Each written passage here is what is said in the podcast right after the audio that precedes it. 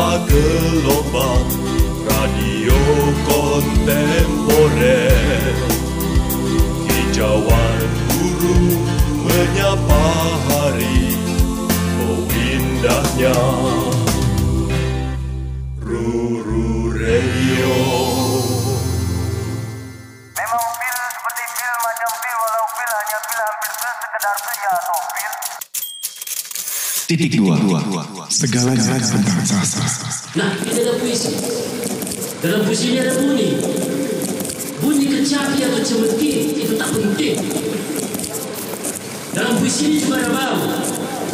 Bau ubi bakar atau babi panggang. Itu juga tak penting.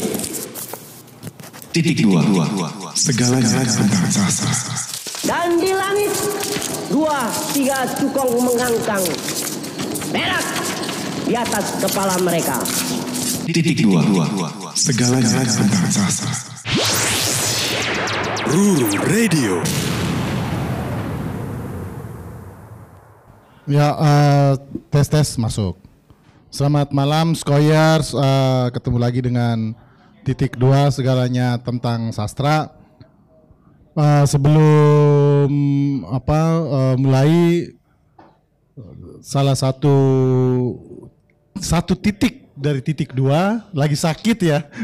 Sakit mulu kayaknya itu yang. sakit mulu di akhir-akhir ini kayaknya sakit mulu. eh ya mungkin usia juga Gus kita usia juga kan. Jadi kita ya gimana ya teman kita udah siapin minum vitamin Gus. Pakai jaket kalau keluar segala macem cuma kepala batu gitu Gus. Heeh, jadi Dirdo Adityo atau eh, biasa disapa Edo eh, sakit. Jadi malam ini saya ditemani oleh pemain cadangan nih Bagus Purwadi. Hmm, pemain cadangan. Ah. Kalau di titik dua lu pemain cadangan. Iya. Kalau di black box gua pemain cadangan gitu Gus. Ah, ah. Jadi kita gitu Jan, Barjan. Kita kan ada titik dua ada black box tuh. Ya kalau di black box bagus sama Ayu sebagai host, terus di titik dua gua sama Edo. Nah kalau salah satu dari mereka di black box berhalangan kita pemain cadangan Geser. sono geser. Begitu juga di titik dua gitu. Nah em, seperti yang mungkin Skoyer sudah baca eh, di apa di ini kita eh, di Akun publikasi kita ing- akun Instagram eh, itu eh, malam ini kita bersama Barjan gitu baru menerbitkan buku Ibu Kota Garis Miring Air Mata. Ini tahun ini kan tahun ini Juli buset baru banget. Januari dan Juli ya cetakan pertama dan cetakan kedua Juli 2022. Nah nanti kita bisa eh, ngobrol tipis-tipis nih cetakan pertama cetakan kedua. Mungkin begitu. Nah Barjan eh, beberapa kali main ke sini ya. Kemarin waktu diskusi juga main. Terus eh, kemarin pas waktu reading fest, cuma kayaknya si reading fest nggak sampai habis ya. Itu coba coba lu deketin nih, coba deketin. Tes tes, udah ada belum sih? Eh, Taurus mana nih? Atau coba coba yang satunya deh yang itu. Halo. Nah, itu Ah, lebih gede. ini, oke. Itu lebih gede. Nah, Siap. em, nah kalau nggak salah, lu juga aktif di pavilion ya? Eh, sebenarnya sebagai partisipan sih. Partisipan di Iya. oh, partisipan pavilion puisi. Partisipan aja, ya. Oke. Nah, em, bentar. Suara ini nih. Ada suara ambulan. Ada suara ambulans juga. Untuk mengingatkan kalau kita masih di Nah benar, benar, benar, benar, benar. Iya, betul, Itu betul. juga perlu di ini ya teman-teman juga beberapa dari Hmm. eh, sekarang atau gua nggak tahu nih sekarang sudah turun apa enggak, gua udah nggak ngikutin lagi berita. Tapi mas COVID masih tetap ya, Masih ada. ada eh, meskipun kita mungkin udah lebih santai karena memang udah apa? biasa hidup dengan virus. Udah terbiasa, udah relaksasi. Pak Simon di sini dong.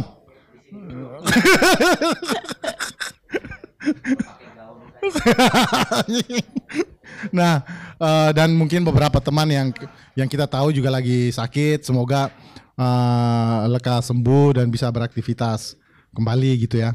Em, dan kita yang lain ya tetap berwaspada meskipun kayaknya untuk diri pribadi juga waspada udah nggak terlalu ini ya, Gus ya. Ya, ya. Nah, ngomong-ngomong tadi uh, sebelum kita mulai ini kan kita bicara tentang di Jakarta Selatan hujan terus, sedangkan di Jakarta Pusat di tempatnya Jakarta Barat. Eh, lu kok suaranya kecil banget coba Gus? Jakarta. Cek, cek. Eh, kok kecil sih Gus? Coba coba. Cek. Wah itu lebih gede. Nah, eh, jadi gua nggak tahu ya Jakarta ini saking luasnya apa gimana gitu. Hmm. Jakarta Selatan hujan itu aneh banget. Maksudnya di kota lain kayaknya sih jarang deh kayak gitu. Di Jakarta yang lain juga nggak Ja- hujan. Jakarta gitu. yang lain nggak hujan gitu. Cuman di Jakarta Selatan doang. Cuma di Jakarta, Jakarta Dan Selatan kayaknya cuma di doang. Ragunan deh. Soalnya tadi gua lewat eh, sekitar Kemang gitu masih kering sih. Masa sih? Hmm. Ya Mampang juga kering tadi. Oh ya? Mampang. Keren. Kalibata itu kering, Kering. loh. Iya. Buset. Global warming ini tuh. Global warming. Oh global Climate warming change. benar benar climate Climate change change. benar benar benar benar. Nah ngomong-ngomong tentang Jakarta nih, ini kan bukunya Barjan nih judulnya Ibu Kota Garis Miring Air Mata. Iya, Lu iya. eh, gim- dari judul aja gitu ya dari judul aja. eh dari judul aja nih Ibu Kota Garis Miring Air Mata tuh kan kesannya menurut gua pribadi waktu sebelum mendemu men- jadi buku ini juga terus terang aja nih bukunya baru nyampe ke kami juga dua atau kayaknya dua hari yang lalu ya Dua hari yang lalu. dua hari yang lalu baru sampai ke kami Eh, tetapi sebelumnya kan sempat lihat tuh di Instagram segala macem Eh, tetapi sebelum bukunya sampai kesan itu kan melankolis betul gitu loh ibu kota ini karena garis miring air mata gitu Air atau mata. gimana Gus? Kita nih sama-sama perantau nih problemnya nih Gus. Kita sama-sama perantau nih. Atau kalau gimana Gus? Eh, Kalau lo judul ini gimana kalau lo? Eh, lu nyebut melankolis itu gimana ya maksudnya? Kayak eh, ng- nggak ada harapan atau gimana? Bukan, bukan, bukan, enggak sampai ke, oh enggak se melankolis enggak sampai Nggak setragis itu ya? Enggak setragis itu, enggak setragis itu, tapi eh, ada sesuatu yang katakanlah dengan adanya kata air mata di situ tuh kan Oh ya air mata Nah. juga bisa bisa bahagia, bisa oh iya sedih juga, juga, ya, benar benar benar benar. Iya benar benar Mungkin benar benar. Tahu lebih dalam itu air matanya air mata. Ada air mata buaya juga Gus. Oh iya ada. Bener sih mantep juga sih. Iya juga. Ada air mata buaya juga kan.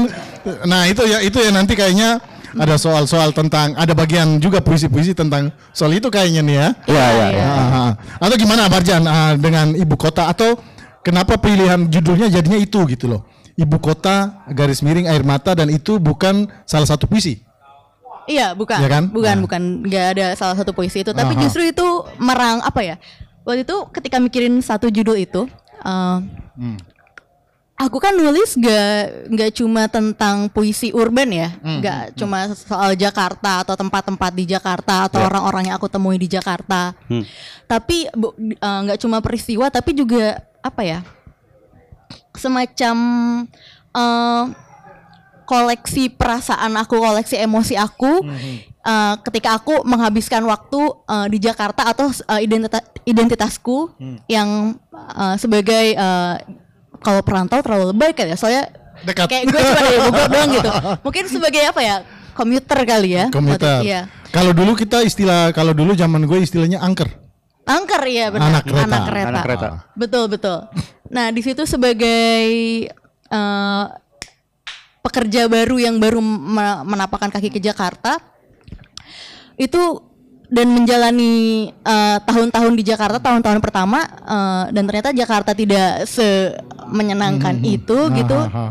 Ada juga sedihnya, ada susahnya, ada juga desperate-nya. Itulah kenapa ada air mata di situ gitu. Jadi sebenarnya ini nggak urban semua ya puisinya nggak nggak cuma tentang Jakarta aja, ada juga banyak eh, apa ya momen-momen atau uh, aku merekam pengalaman pengalaman dengan orang-orang yang aku temui dan juga love life gitu di Ah. situ banyak banget pengalaman cinta dengan uh, uh, beberapa pria seperti itu Hmm. dan juga ada apa ya uh, aku mencoba untuk ngerilis uh, trauma masa kecil aku juga di puisi ini gitu jadi sebenarnya ibu kota air mata tidak hanya tentang ibu aku yang melan uh, merasa melankoli di sana gitu tetapi juga uh, Terima kasih apa Bang. ya wih ada snacknya nih. Oke, sorry intermezzo snack.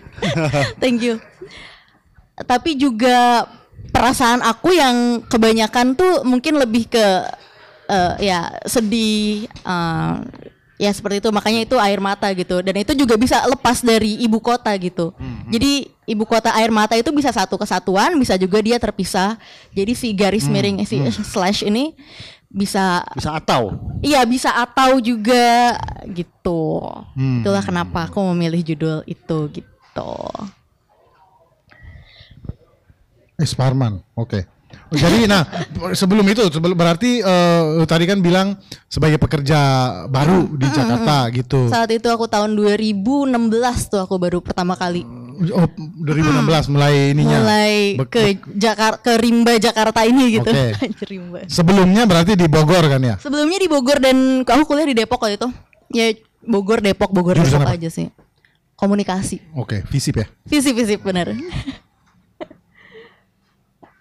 Nah, eh, sebelum ini eh tentu saja kan eh, nggak tahu gua gimana ya masuknya ya. Em, gua mau bilang bahwa tidak semua orang mau menggunakan puisi sebagai medium, tapi kan agak ini juga ya karena ini apa ini ap- eh, acara sastra ya, Pak. Kemungkinan, kemungkinan banyak yang memahami itu gitu. Tetapi mungkin scholars lain enggak gitu ya.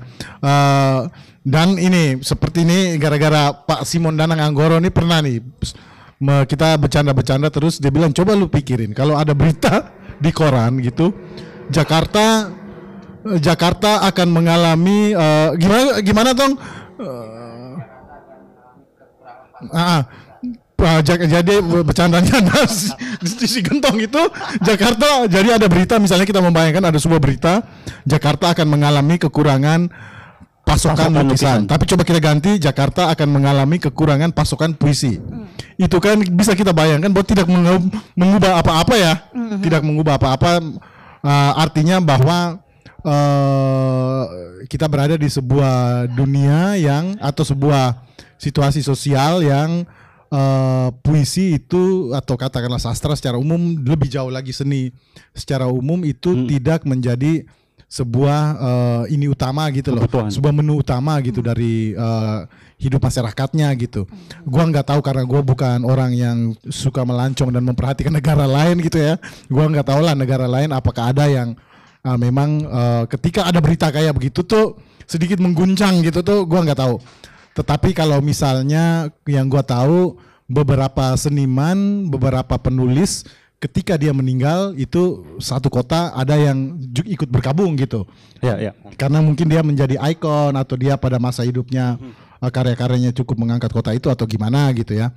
Tetapi uh, yang pengen gua katakan adalah ini kita masuk ke dalam dunia yang seperti tadi itu bukan menjadi menu utama makanan orang-orang gitu ya. Menu pembuka atau menu penutup pun mungkin jarang-jarang. Mungkin menu sesekali gitu. Menu sesekali masuk ke dalam ini orang gitu. Nah tetapi Barjan uh, gimana? Uh, dan juga lu bekerja di ranah uh, komunikasi ya? Uh, lebih ke apa ranah gue nggak tahu sih istilah pekerjaan pekerjaan itu maaf ya. Iya. Uh, apa? Buru media sih. buru media, buru media ya. Iya, iya. Buru media terus lalu memilih atau katakanlah menjadikan dan juga tadi terlibat di bukan terlibat ya sebagai partisipan di pavilion. Artinya kan menjadikan puisi sebagai bagian dari keseharian juga gitu. Nah, itu gimana?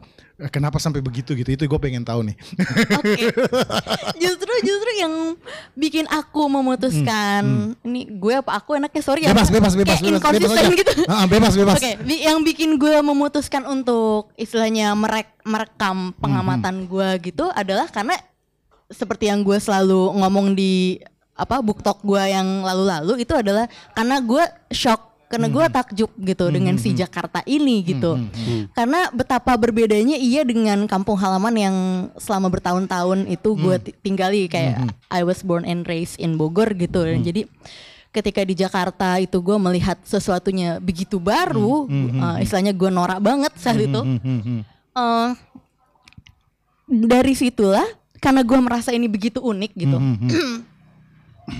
meskipun gue tahu mungkin di kota-kota lain lebih unik gitu cuman karena waktu itu gue emang dapat opportunity kerjanya di Jakarta gitu dan gue bener-bener kaget dengan istilah eh, istilahnya apa ya kayak culture shock aja gitu Ah, ah, ngelihat ah, ah.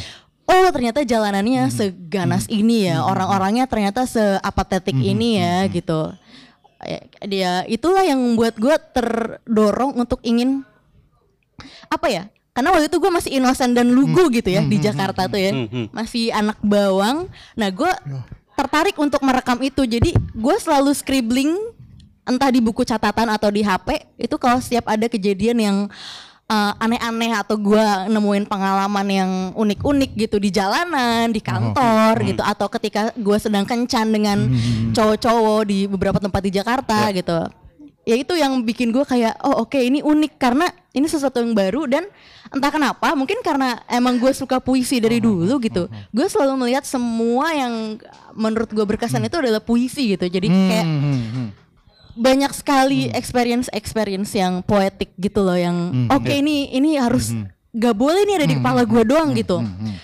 ya jadi itulah jadi dan kebetulan tahun 2017 itu eh gue mulai jadi partisipan di pavilion, Pavilion puisi. Puisi. dan di situ ternyata gue ketemu sama apa ya istilahnya para penyair-penyair urban yang ternyata ketika gue beli buku mereka gue penasaran banget kayak wah ini nih gaya gue banget. Maksudnya ini ini adalah tulisan yang pengen eh, gue yang pengen gue tulis. Ini adalah apa ya istilahnya karya-karya yang nanti pengen gue deliver gitu ke ke orang-orang gitu. Oh ternyata ada loh bentuk puisi urban seperti ini. Di situ kan gue ketemu sama ada Michael Johani ada Anya Rompas Aha. ada yang favorit gue juga Ratri Nitya gitu. Terus gue ngerasa kayak oke eh, oke nih gue udah nemu nih gue mau puisi urban gitu. Karena eh, ketika gue baca hmm, karya-karyanya eh, misalnya Michael Johani gue sering banget buka eh, websitenya itu puisi-puisinya itu. Iya. Dia gue baca dan gue suka banget gitu. Yang paling gue ingat adalah apa ya itu ya? Gue lupa. Pokoknya gimana dia waktu itu kayaknya entahlah dengan uh, love interestnya saat itu. Gimana ya Michael Johan itu bisa uh, menggambarkan gimana ya? Kayak desire-nya itu dengan cara-cara yang simple gitu. Dan makanya yang aku temui eh, dari si tiga nama itu tuh yang menurut aku prominent banget dari karya ibu kota air mata ini. Eh, Mbak Anya, eh, Mbak Ratri itu mereka juga menggunakan kata-kata yang sederhana yang mungkin tidak terlalu uh, rumit eh, dan juga entah kenapa ketika aku baca itu kayak merasa homey aja gitu kayak kayak merasa oke ini gaya gue gitu karena sebelum-sebelumnya gue juga eh, dari sejak SMP sudah tahu nama-nama besar seperti misal Sapardi Djoko Damono atau W.S. ya. Rendra seperti itu tapi gue ngerasa entah ya karena gue nggak capable atau gimana atau gue nggak nemu soul gue nulis di situ Nah itulah 2017 itu. Setahun kurang belum nyampe setahun gue di Jakarta akhirnya gue tuh udah makin naik lah levelnya untuk memutuskan untuk nulis puisi itu ketika di pavilion puisi itu karena oke gue akan istilahnya beribadah di jalan urban.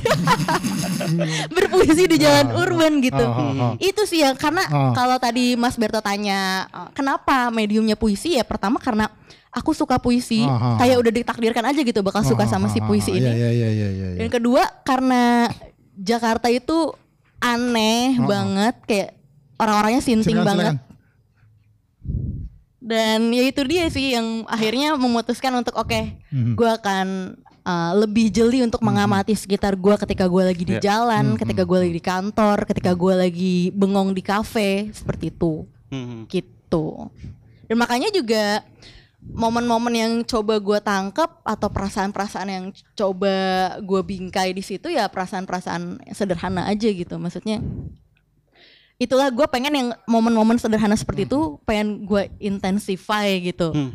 lewat puisi gitu gitu sih Eh, menarik waktu si waktu tadi apa Barja ngomong soal Jakarta itu aneh dan itu culture shock buat Barja ya. hmm. Eh, gua gua dan Berto kita kan apa perantau ya kan? Perantau, Saya perantau. perantau gitu Nah, meskipun juga sama sih kalau gue sih nggak rantau-rantau banget karena susah dikit pulang ke rumah om. Jadi gue punya om di sini kan. Ada safety net. Ada susah-susah. susah dikit tinggal pulang anjing. karena beda maksudnya ini gue potong dikit entar jangan lupa tapi ya. Hmm. Gue potong dikit karena ini gua karena menyebut rantau dan perkenalan dengan Jakarta gitu kan. Itu misalnya eh, kebetulan karena gue juga eh maksudnya dalam keluarga gitu ya, dalam Ya. keluarga gitu bukan generasi pertama juga yang ngerantau kan. Hmm, Sebelumnya udah gitu kalau dengar cerita dari mereka mereka katakanlah yang sebelumnya itu sulitnya lebih sulit tuh. Iya, iya. Kayak misalnya datang lagi masih sendiri sama teman doang gitu misalnya. Hmm. Tetapi kalau generasi gue kan kayak yang ya elah datang udah ada rumah yang siap Ya, ya, udah untuk ada yang- kayak gitu-gitu. Udah yang bisa dituju gitu Ah, kalau ah, kita ah, lagi ah. susah gitu. Nah coba-coba lu tadi. Nah kalau yang soal culture shock ini, gua gua lahir di sidoarjo, terus eh, gede di Kediri, Jawa Timur. sidoarjo dan Kediri itu Jawa Timur. Nah tapi eh, ketika ke Jakarta, culture shock itu justru gua dapat ketika gua balik lagi ke kampung halaman karena di Jakarta itu hidup itu menjadi sesuatu yang mendesak gitu kan. Kayak yang tadi lu bilang orang ke ke mana-mana, orang gila, jadi gila karena emang mereka ngejar hidup itu kan. Nah kalau pas gua balik lagi kok sesantai ini ya bisa. Oh. Itu. Dan kayaknya kalau gua ke- kalau gua eh, bayangin gua jadi eh, penulis puisi kayak lu atau Berto gitu. Kayaknya gua bak- bakal lebih eh, akan lebih bisa nulis puisi di tempat-tempat yang lebih tenang gitu kayak yang eh, ritmenya lebih tenang kayak di kampung halaman gua gitu. Karena di Ja- Jakarta kayak nggak bisa eh, nggak ngasih kita kesempatan, nggak ngasih gua gitu kesempatan untuk mengamati satu-satu. Gitu. Oh itu sebab oh ini legitimasi kenapa lu nggak nulis sastra ya? legitimasi aja sebetulnya. Ya, sama ini sih sama apa keanehan itu sebenarnya kalau gue lihat justru orang yang yang yang di kampung halaman gue tuh jadi jadi di mata gue jadi aneh kok hidupnya nggak mendesak ya Nah lu, berapa tahun di Jakarta tapi? nah itu sebenarnya walaupun kampung halaman itu kediri atau sidoarjo itu bisa di, eh, gue sebut kampung halaman tapi gue sebenarnya lebih lama di Jakarta Karena? karena gue di kediri cuma 8 tahun di Jakarta 16 tahun Maksudnya gimana tuh? Oh maksudnya hitungan tinggal. Oh ya ya ya. ya. Hmm, hmm, hmm. Nah kalau lu gimana merasakan ketika pulang gitu? ketika pulang dan em tapi kalau gua ya gua ngerasa bedanya sih ketika f- gua versi Jakarta dengan gua versi Bogor tuh sangat berbeda gitu. Hmm, hmm. Eh, di di Bogor ya gue benar-benar jadi anak rumahan dan apa ya gue membuang semua ke Jakartaan itu dan semua ke pegawaian bergaji rendah ini gitu. Gue kayak gue ngerasa eh, ya kalau di Jakarta mm, emang gue ngerasanya lebih kecil sih Hmm. ngerasa lebih kecil ngerasa entah kenapa ya gue ngerasa lebih rendah diri atau gimana gitu. that's why gue tuh selalu ngerasa kecil kan. Jadi ya itu dia gue gimana ya caranya supaya gue menikmati Jakarta dengan gue yang kecil ini karena gue nggak mungkin dong. Maksudnya gue selalu sirik nih dengan orang-orang yang dia bisa istilahnya meresapi Jakarta. Mungkin ini Jakartanya Jakarta yang ini kali ya yang Jakarta Jakarta kayak yang lebih apa? Sorry Ri. kelas-kelas sosial atas itu kadang-kadang gue suka sirik gitu kayak pengen pengen gitu loh bisa nongkrong di sini gue juga pengen bisa datang ke klub ini gitu loh. Gue juga karena membosankan sekali gitu eh, bekerja di kantor gitu kan dan juga melakukan bullshit jobs gitu yang sebenarnya kalau nggak lo kerjain juga nggak nggak berdampak apa-apa terhadap dunia gitu kan. Ya itu gue juga sebenarnya pengen sih untuk bisa melakukan ak- aktivitas akti- aktivitas rekreatif gitu. Cuman kan tidak kadang duit gak bisa ini kan duit gak bisa untuk eh, menggapai apa keinginan-keinginan gue itu. Tapi ketika gue ke Bogor ya gue merasa gue nggak punya keinginan-keinginan semu itu gitu nggak punya ya udah gitu gue jadi anak rumahan yang ya no pressure lebih enak sih. Dan ketika di Jakarta ya itu gue harus menjadi apa istilahnya ya? Ya kalau di dosen gue bilang sekrup-sekrup kapitalis yang si kapitalis sekrup-sekrup kapitalis yang apa? Dosen siapa tuh? dosen itu gue lupa tuh. Dosen filsafat komunikasi gue yang ngomong siapa ya? Eh, filsafat komunikasi Haryat Moko bukan? bukan Eka Wenats bla bla bla. Oh. Tahu tahu itu. Oh. Iya itu dia ngomong kami Om Eka, wah iya memang kalau ngomong keras ini banget tuh dia tuh.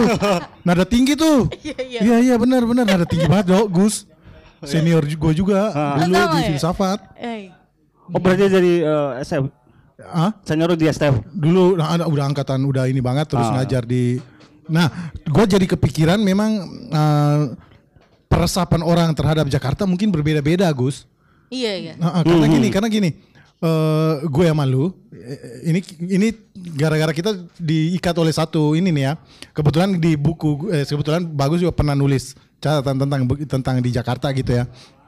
Itu kan peresapan kita jadi berbeda-beda karena misalnya gue masuk ke sini ketika kuliah, Ya ya. tiba-tiba mesti menjadi warga Jakarta ketika kuliah gitu. Hmm.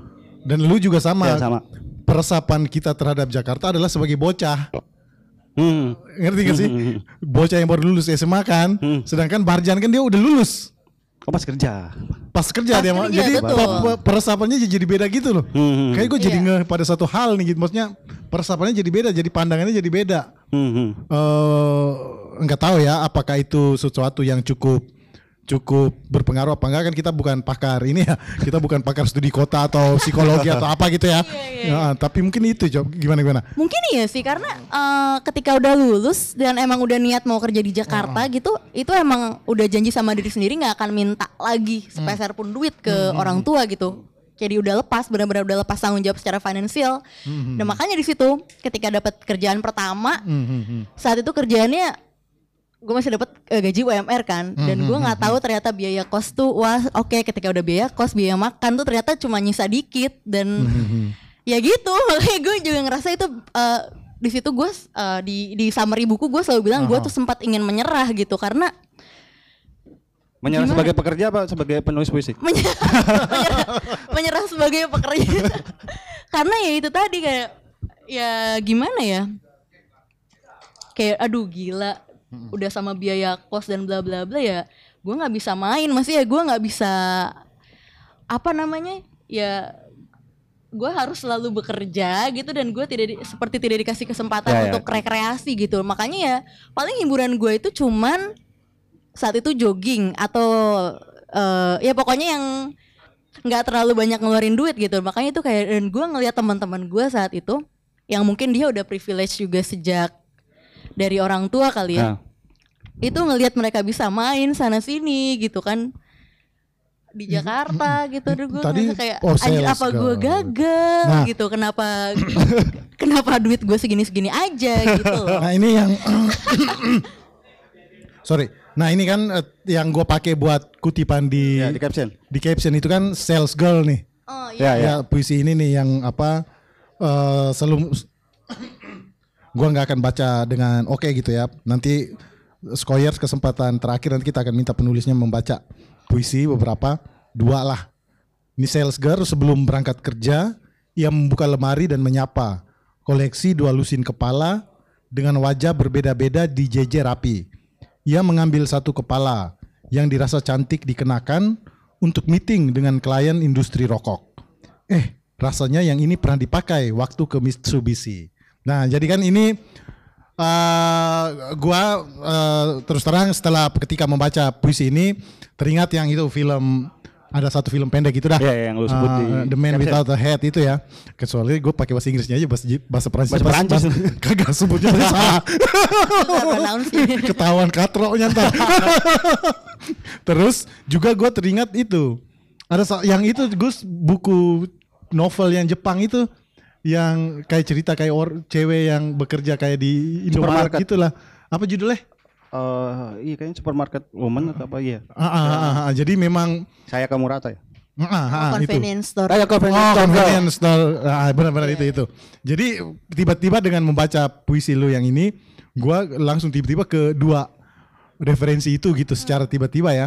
Eh, gua nggak tahu kenapa gitu kan ya, secara tiba-tiba aja terjadi seperti itu dan ah gua rasa eh, menurut gue ini menarik gitu. Eh, tentu saja seperti nama-nama yang misalnya kayak Anya, eh, Nindit, Ninditia itu kan juga penulis-penulis eh, katakanlah perempuan penyair gitu ya yang juga mem- ya sedikit banyak eh, perempuan urban yang eh, bekerja di Jakarta segala macam tuh terpotret lah di dalam eh, puisi mereka gitu. Dan eh, satu yang ini yang menurut gue eh, menarik banget karena gue juga terus terang dalam pembacaan puisi-puisi Indonesia gue yang minta maaf juga sebetulnya nggak banyak-banyak amat juga gitu ya karena kalau kita mengaku banyak kat- repot kita dalam konteks sastra Indonesia ya. Agak repot di dunia ini ya dunia sastra kita nih. Nah itu terus terang memang sedikit sekali gitu.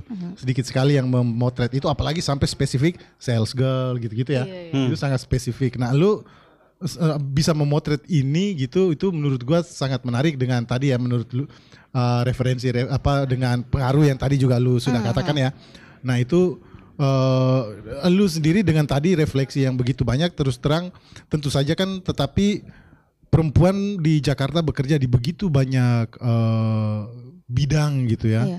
Nah, lu sendiri yang dekat dan menjadi sejauh ini menjadi perhatian lu dan lu tangkap di sini tuh apa aja sih kira-kira tuh? Oke. Eh, mungkin pertama mau ceritain puisi itu Oke, dulu ya. oke, boleh, Karena boleh, puisi boleh. itu ada ceritanya. Nah, oh oke sip Oke, sip. jadi sebenarnya eh itu pengamatan reflektif gue di kantor ya. Tapi awalnya gue mau ngomong dulu kalau misalnya seperti yang tadi gue bilang gitu, Jakarta tuh bikin orang-orang tuh jadi terlihat jahat satu sama lain. Misalnya aja di dunia kerja di kantor gitu ya. Ya.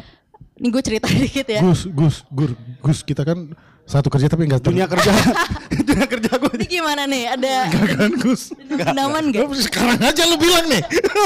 Kebetulan ada yang buka nih. Jadi di kantor gue tuh ada posisi sales kan. Jadi salah satu sales ya sales girl ya, sales cewek ini. Dan banyak sales-sales lain sih sebenarnya di kantor. Semua sales itu gue mewakili semua sales man atau sales uh, woman ya. Itu karena gimana ya? Kan gue marketing nih, sales dan marketing kan emang dia kerjanya emang apa namanya nggak bisa lepas kan satu sama lain dan memang kalau sales itu kan berhubungan dengan klien langsung Ah, kan ah, ah, ah. Nah, Ya. dan misalnya untuk si kalau aku nih eh gue produknya konten yang nanti bakal dihasilkan nih untuk memenuhi ekspektasi klien kan Oh, oke. untuk memenuhi orderan klien Ya. Ya makan nih. Eh, saat itu sempat eh, beberapa kali salesnya itu apa ya istilahnya kayak ngasih pressure ke kami eh, tim marketing Market, itu eh. untuk eh, cepet dong menghasilkan konten konten yang apa namanya konten yang disuruh nih deadline-nya Ya, udah segini nih dan eh, segini segini. Pokoknya kayak apa ya di push banget untuk memenuhi target klien itu gitu. Dan di situ saat itu aku yang mungkin masih terdehumanisasi gitu ya. Dengan itu belum belum begitu sadar dengan apa namanya bahwa kami adalah sama-sama pekerja gitu. Merasa kalau "Ih, an- kayak anjing gitu. Kayak lo tahu nggak sih kita juga kerja nih dan buat lo gitu. Kayak kayak merasa malah bermusuhan gitu. Iya kan si kliennya itu eh, kliennya ini kan korporat ya. Maksudnya ya ya sedangkan kita sebenarnya sama-sama dalam tanda kutip ya kita ya sama-sama cuman kroco gitu kan. Duh tapi ketika gue hmm, apa berefleksi lagi gitu, I ponder eh, gitu loh dengan apa yang kebencian gue terhadap para sales ini nih saat itu yang terlalu nge-push kami gitu. Tapi gue jadi mikir kalau oke mungkin dia juga seperti itu karena klien korporat Ya, ini ya. juga nge-push gitu loh.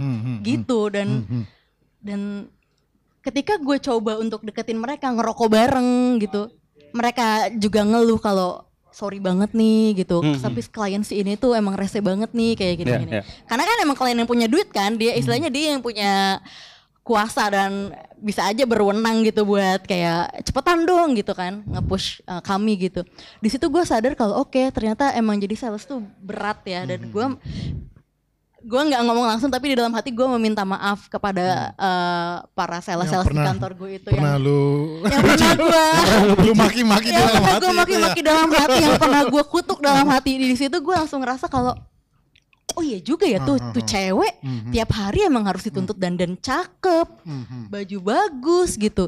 Dan gue eh gue nggak boleh membenci mereka gitu. Dan mereka juga melakukan itu juga for the sake of money pasti kalau ya kalau kalau nggak harus ngelakuin itu juga pasti mereka nggak mau gitu. dan dari situlah lahir puisi sales girl. Hmm, karena ya gue ngerasa ya kerja mereka berat gitu Hmm, dan hmm, semua sales sales Hmm, eh, hmm, hmm. di ini sih di Hmm. dunia agensi dan media yang emang Hmm, dituntut untuk eh, penuhi target Nah, kayak gitu itu Oh, yang akhirnya gue menghasilkan Nah itu refleksi, tapi gue pengen itu tadi tuh imajinasi tentang di Oh. dalam oke di dalam Kepala-kepala apa? dalam lemari Ah, gitu. ah, ah, ah, ah. Mhm. Itu kan menarik ya Hmm. uh, imajinasi kayak gitu untuk menggambarkan gimana dia uh, ini mo- mohon maaf nih ini ta- cara apa apa gua menginin apa memaknainya gitu. Hmm. Bagaimana c- cara dia yang harus itu tadi ya hari ini mungkin ketemunya si A, besoknya ketemunya si Iya, corporate iya. B segala macam dan lu menginiin dengan kepala-kepala yang ada di la- dalam lemari. Oke, kepala itu mungkin rep- represent buat uh, uh, whole appearance mereka gitu kan. Karena juga kan setiap klien tuh juga karakternya beda-beda gitu kan, mungkin yang harus dihadapi. Jadi ya itu kenapa gua kepala gitu. Karena kalau misalnya ganti kepala, ya lo akan jadi orang baru gitu. Dengan sepasang mata yang baru, hidung yang baru, mulut yang baru, telinga yang baru dan itu yang memang lo harus menjadi orang baru untuk setiap klien gitu. Gitu sih. Itu kenapa kepala? Karena Kepala kalau gitu ya. copot kepala, pakai kepala, pasang kepala gitu, itu lu akan Hmm. jadi orang baru dan karena karena orang-orang yang lu hadapi juga berbeda dari orang kemarin atau orang tadi Hmm, siang hmm, hmm, hmm, yang ya. lu ajak meeting di Senayan gitu misal. Kayak gitu. Nah, eh, tadi lu sempat eh, sebelum yang ini tadi lu sempat bilang soal eh, beberapa kali diskusi tentang buku ini gitu. Mm-hmm. Boleh tahu itu udah di mana aja diskusinya? Sebenarnya baru dua kali sih kayak kayak banyak banget Tambah, gitu ya. tambah ini ketiga, tambah ini ketiga. Du- dua kali juga banyak kalau itu di apa? Penerbitannya baru Januari kan? iya, ha, baru Iya Januari iya juga. iya lumayan sih nggak usah itu untuk Buku gua ada yang pernah cuma sekali dong. yang yang mana tuh yang Yang sama bagus. Iya sih sebenarnya baru dua kali sama ini tiga Hmm. tiga kali ya. Yang pertama itu di kios Ojo Kesut itu online Oh, oh online. Ah, online Oh iya itu pas, di pas baca pandemi-pandemi karya. banget juga lu ya.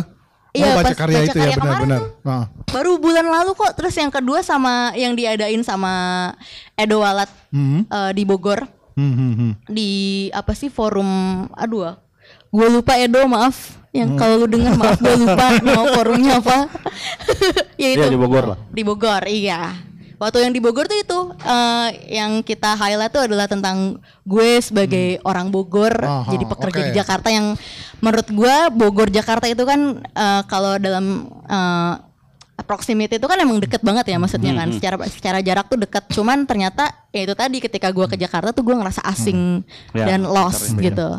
Nah, gue jadi keinget satu hal nih yang mungkin gini banyak kita baca dan apa melihat bahwa banyak pekerja Jakarta itu tinggalnya di kota-kota satelit. Hmm. Iya, Salah iya. satunya Bogor. Nah, sedangkan lu sekarang eh, tinggalnya di Jakarta, bekerja Hmm. di Jakarta. Ah, nggak tahu ya masa depan eh, kelas-kelas pekerja seperti kita ini seperti apa, tapi tidak kira-kira akan kayak gitu gitu ya. Maksudnya Hmm. kita akan bolak-balik eh, dengan ini yang eh, jauh gitu. Nah, kira-kira menurut lu kalau eh, dengan refleksi lu sekarang gitu, kalau misalnya di siang hari lu di Jakarta, lalu di malam harinya lu akan balik ke Bogor, katakan, itu akan seperti apa sih? Eh, Refleksi lu akan seperti apa sih kira-kira gitu? Atau lu pernah mencoba itu nggak? Eh, sering sih kebetulan Ah, ah, ah. iya sering-sering banget kayak gitu kayaknya hampir setiap minggu kayak gitu Hmm, hmm, hmm. Eh, tapi itu sih eh, yang bikin gue itu emang capek ya meskipun tapi emang kerasa capek karena Hmm, hmm, di jalan tuh nggak cuma nggak semulus itu apalagi eh, kayak lo nggak sendiri kan di Hmm, uh, angkutan umum gitu. Lo harus berdesakan dengan orang-orang dan harus menghadapi macet hujan gitu. Eh, tapi itu juga sih eh, m- eh, mas yang justru yang mem- apa ya men- memantik Hmm, gue untuk lebih banyak tadi itu mengamati setiap momen-momen dan orang-orang Oke. gitu sih itu sih justru jadi itu lebih banyak momen re- reflektif tuh ketika justru Perjalanan- ketika perjalanan perjalanan, itu. Jakarta Bogor itu sih Oh, oke oke Hmm. oke oke. itu Nah, em, Gus, lu ada ini nggak? Karena ini kan juga selain tadi ya uh, para pekerja, tetapi juga Barjan juga menulis misalnya pertemuan-pertemuan di kafe, uh, terus ya kan di pertemuan-pertemuan di kafe, obrolan-obrolan tuh juga, tapi Iya. juga uh, hal yang bisa saja ditemukan tidak di kota Jakarta, misalnya yang tentang surat apa surat ungu ya, ya apa? oh Uh, yang itu kan uh, 11 Desember. Iya yang Iya, itu ya? surat yang Iya, kayak 11 ber- yang tentang ke- apa itu loh? Oh, itu Tentang- kematian bokap ke- ya. Tentang kematian itu Iya, kan iya. Nah, hal-hal seperti itu juga eh, di sini. Eh, nah refleksi-refleksi pribadi gitu yang muncul di sini juga menurut gua eh, menarik meskipun eh, ya tadi udah lu jelasin juga bahwa bisa dibaca sebagai ibu kota. Sa- wah ada sorry ini kita kedatangan penyair. kita eh, apa? Ada ibu kota, Iya. tetapi bisa juga kita membaca air mata bisa digabungkan Betul. keduanya gitu ya. Betul, Dan betul. gue menemukan Iya. kalau gua menemukan puisi yang berbicara tentang ibu kota clear tadi misalnya Iya. eh, tentang apa eh, sales yang mengganti pes- apa Kepalanya. kepala. Mhm. Tapi gue juga menemukan misalnya katakanlah air mata gitu yang eh, bisa kita oh selamat datang oh, udah Esa Eh, kita juga menemukan sini dong. Oh, oh. kita juga menemukan oh ya siap. Di si Ube. kita juga menemukan misalnya eh, yang pribadi tadi di seperti Iya, puisi iya, tentang iya. kematian tadi gitu. Nah, eh, kalau puisi apakah yang dimaksudkan ini apakah ada puisi-puisi yang mencampurkan keduanya gitu? Itu bisa saja kita temukan misalnya di ibu kota terdapat air mata di dalam sales Oh, sales itu ada, segala iya. macam gitu. Iya, coba, ada, coba, coba. ada. Ada sih yang kayak gitu tentu karena pada dasarnya di ibu kota ini kayaknya lebih banyak air matanya enggak sih anjir. kayak kayak it's all about tears, it's all about despair, it's all about being stressed, depressed gitu ya. Eh, ada sih. Mhm. Ada kok beberapa puisi yang memang eh, apa namanya menggabungkan tentang tadi Keduanya Eh, itu. ya, emosi Mhm. emosi biru, emosi melankoli itu dan juga urban gitu ya. Di sini memang ada puisi tentang kucing tapi lu jangan di sini dulu, Bor. Ada ada ada ada. Tuh, turunin boleh deh, kucingnya dulu. Deh. hey, Sorry, sorry, sorry. bentar. nggak apa nggak apa. Dia lagi hamil gak sih? Iya. Sama kucing Jakarta juga. Naik lagi. Lanjut, lanjut, lanjut. Sorry, sorry, sorry. Iya nggak apa-apa nggak apa-apa. Lu mau cari apa sih di atas? Skoyers yang mendengarkan kita ada, ada semacam katakanlah seekor kucing berwarna hitam. Ini kucing good school namanya si hitam. Eh, si hitam naik-naik ke meja tiba-tiba eh, turun dulu. Gus, Gus, lu ini dulu deh, Gus. Eh coba lan- Wah, eh, lanjut di apa? Tadi yang soal ada di Jakarta dan ada di tempat lain. Oke, Ntar saya juga lupa nih sambil nyari ya. Ini harus tentang eh, Tapi berarti air, dengan- air mata yang yang di judul bukunya itu eh, kecenderungannya lebih ke set, ke, ke sedih ya, ekspresi sedih. lebih ke ekspresi sedih sih. Oh. Karena emang di sini rata-rata emang aku intentionally pengen eh, apa namanya pengen presenting sesuatu yang memang muram atau menyedihkan Hmm, hmm. atau getir seperti itu sih Hmm, gitu. hmm, hmm, Karena emang pengen nula- eh, memberikan warna itu gitu, Hmm. pengen menyajikan warna biru gitu. Hmm, ada sih dan mungkin kebanyakan eh, tentang asmara ya. Iya. Asmara yang eh, aku apa namanya? Yang sempat aku jalani di Jakarta. Ada juga sih yang tentang eh, menjadi kelas pekerja. Udah, emang harus dibacakan apa gimana nih? Jadi gimana nih? Diceritain aja, Oh diceritain, diceritain aja ya? Oke. Nih banyak. Misalnya ya yang eh ini sih yang yang gue sempat emosional karena gue harus nge-retrieve lagi memori ini adalah itu sama mantan gebetan gue judulnya Jalan Bangka 11 ya itu Jalan Bangka yang Kemang ini Itu- Iya, iya, iya, iya. Kita langsung kebayang, gua langsung kebayang, gua langsung kebayang. Gua Iya iya itu salah satunya gitu. Itu menurut gue itu salah satu puisi yang pas nulis gue harus nge- nge-retrieve lagi Hmm. ingatan menyedihkan itu gitu itu dan Hmm. itu juga eh, setnya di Jakarta gitu itu sih paling salah satu contohnya Tadi yang lu tanyain eh, ketika yang Jakarta dan di luar Jakarta bersatu dalam satu puisi gitu ya? Bukan bukan bukan tadi kan ibu Bener kota dan gitu? ko- bener tadi yang jawaban Oh, Barjan benar. Eh, bukan ibu kota di luar kota Jakarta dan Hmm. ini. Ah. Maksudnya tadi memang eh, beberapa puisi kan gue melihat ya bisa eh, kan ada spesifikasi tertentu yang hanya bisa terjadi di Jakarta gitu Iya, misalnya. iya, iya. Eh, ketika misalnya cerita tentang di atas eh, apa katakanlah misalnya kita puisi tentang bus Transjakarta gitu udah Ya, pasti MRT udah pasti spesifik Jakarta, gitu kan nggak akan kita Iya, temukan iya. di tempat lain tapi ketika misalnya Barjan beberapa puisinya misalnya itu bisa dilepaskan dari Jakarta dan masuk Ya, ke ya, dalam ah. pengalaman pribadi yang bisa terjadi di mana aja gitu. Hmm. Oh iya iya. Kalau yang misalnya nggak yang terlepas dari Jakarta sih itu banyak juga sih. Dan Iya. itu berhubungan dengan eh, apa? Dengan keluarga gitu. Misalnya temanya tuh misal keluarga dan juga childhood trauma kayak gitu juga aku ada di beberapa puisiku gitu. Seperti dan yang aku bilang. eh, lu banyak banget eh, bukan banyak sih beberapa tuh sangat langsung kepada tempat Iya, iya. spesifik di Jakarta eh, katakanlah yang ada, ada di Senayan di situ kita ketemu Blok M dan Betul, betul. tempat-tempat seperti itu langsung Bangka tadi yang Bangka, Bangka. Ya, Bangka nggak usah disebut-sebut terus. Ada Ben Hill sekali juga. doang, cukup sekali doang gitu Gus. Orangnya udah bilang.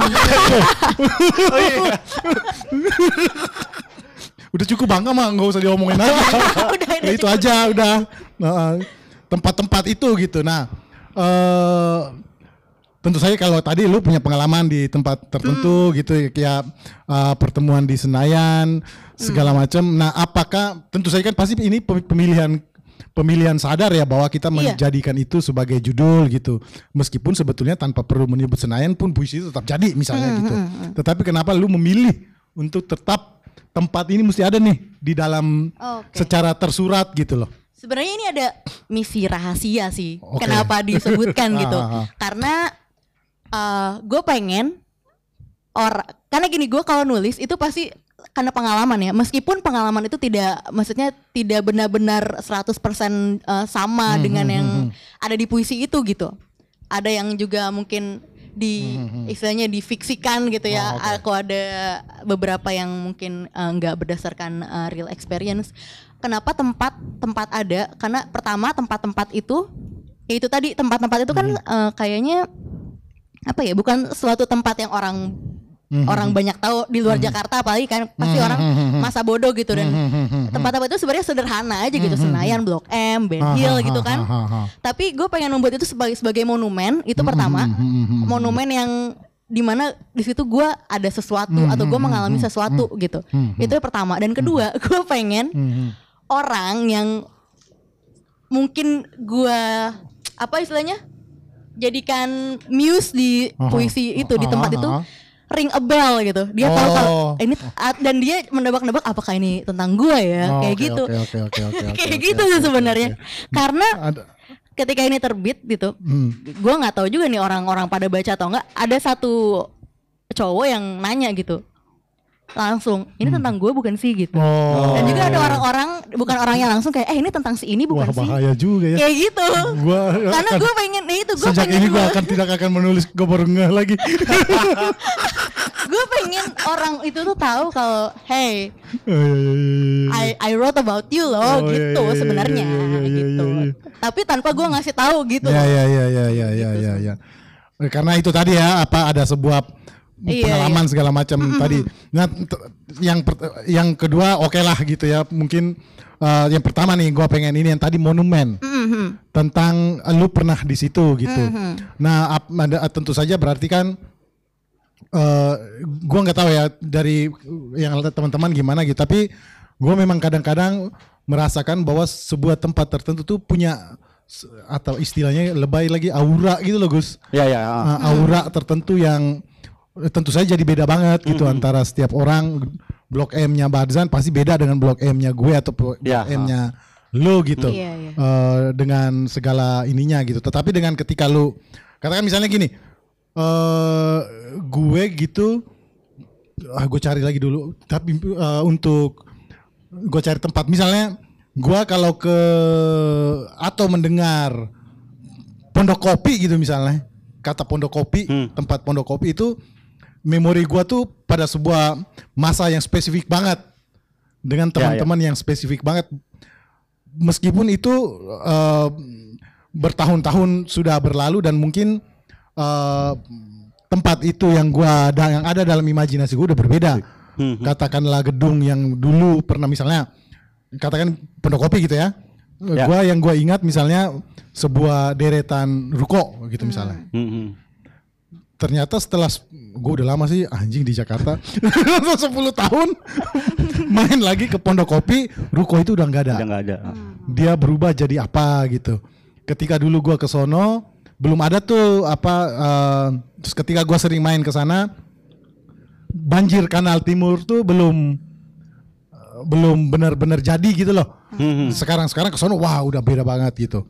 Tetapi memori yang zaman dulu banjir kanal timur yang masih di gali-gali itu itu masih ke ini banget di dalam kepala gua gitu. Iya. nah apakah lu, um, uh, lu imajin mas kalau lu gue pengen tahu sih sebagai penyair gitu sebagai penulis ketika lu udah menuliskan uh, memori-memori monumen-monumen itu di dalam uh, ini lu i- Iya. image dalam kepala lu untuk tempat-tempat itu seperti apa sih gitu Yang pastinya tempat-tempat itu jadi nggak lagi sama ya. Hmm. Jadi gue ngelihatnya tuh udah nggak lagi sama gitu. Eh, karena istilahnya kayak gue personally memberi value Hmm, gitu, memberi ya. value baru ke mereka gitu ke tempat-tempat itu. Eh, Ya itu sih jadinya eh, kenapa monumen ya? Hmm, Kenapa gue memilih kata monumen ya karena memang ya itu tadi gue memberi Hmm. kayak value baru ke mereka ke tempat-tempat itu Eh, dan di tempat-tempat eh, tempat-tempat yang gue pilih ini juga eh, kenapa gue maksudnya kenapa gue labelin monumen? Karena di situ apa ya gue lebih ini aja lebih bebas aja untuk lebih lebih lebih lebih apa ya? Lebih enak aja buat ngebayangin setiap tempatnya Oh, kayak oke. gitu. Oh. kayak gitu dan di tempat itu nggak tahu ya mungkin karena itu tadi sih ada sesuatu yang terjadi dulu sih maksudnya di tempat-tempat yang gue pilih itu gitu karena eh, kenangan-kenangan itu yang kenangan-kenangan itu, catatan sih. itu, ya catatan iya, itu yang pengamatan-pengamatan gue yang kayak oh oke nih gue nemu sesuatu yang apa namanya Oh, yang oh. unik di situ Oh, seperti oh, yang di 6 sore di Bundaran HI kan kayak oh, Bundaran oh. HI biasa ya ya kayak enam sore eh, eh, setiap hari ada enam sore di Bundaran HI gitu loh.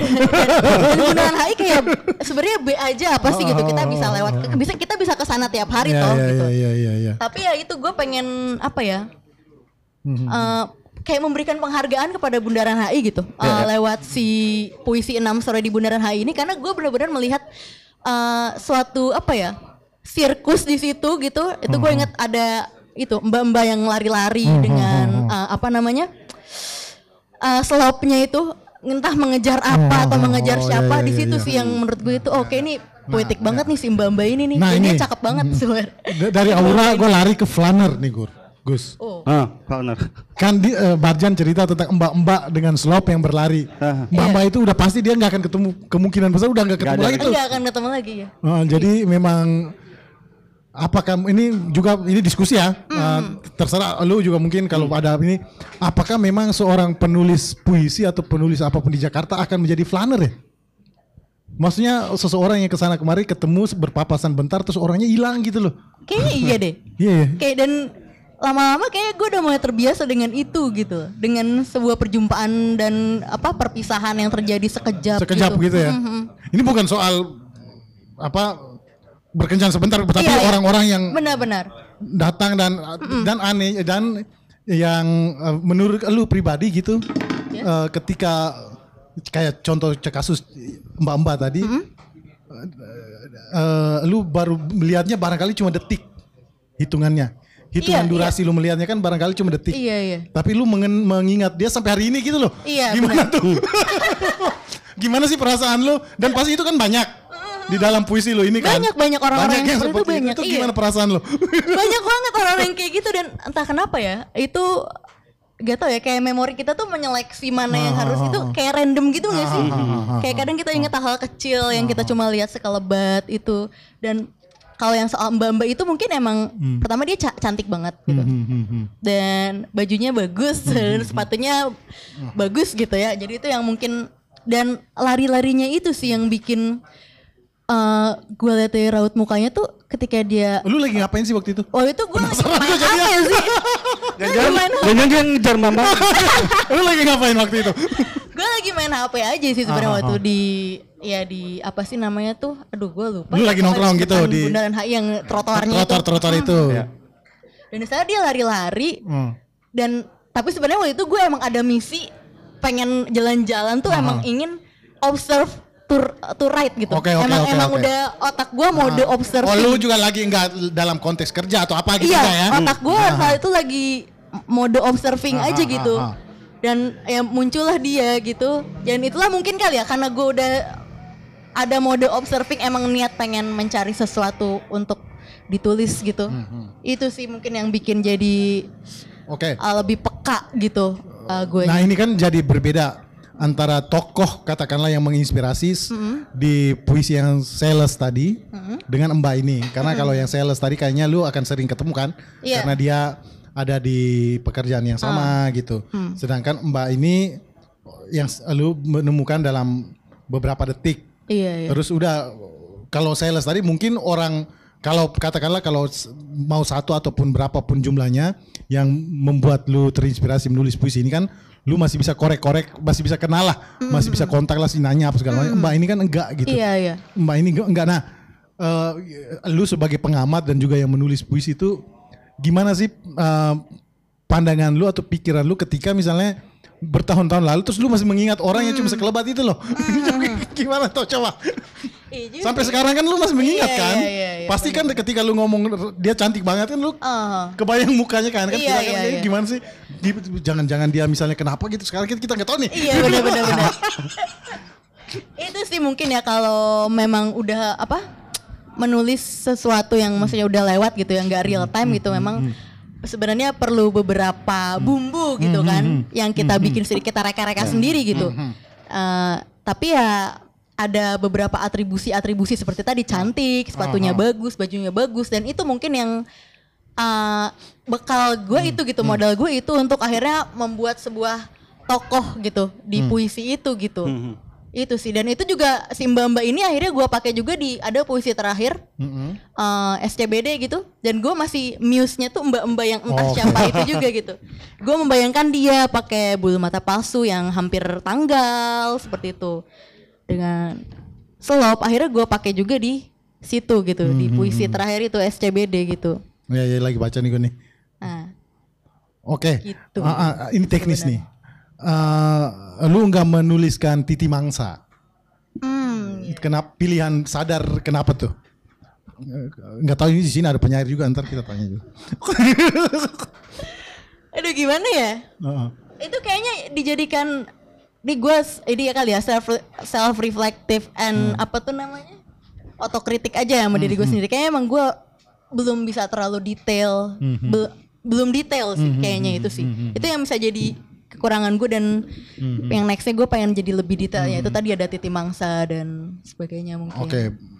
Eh, oh, gue kira tadi misalnya eh, lu sengaja nggak mau gua nggak mau pakai titi mangsa gitu enggak ya? sebenarnya enggak uh, eh, Enggak ya? sebenarnya mungkin uh, gua, itu gue nggak peduli soal itu emang di puisi ini gitu. kayak semuanya ada di kayak di semesta dan waktu yang ya udah gitu uh, unknown atau yang gue bikin sendiri gitu. Cuman ketika gue baca-baca uh, beberapa karya sastra dan uh, ya mungkin gue harus lebih detail lagi kali untuk itu gitu. Kayak deskripsiin tempat atau apa gitu.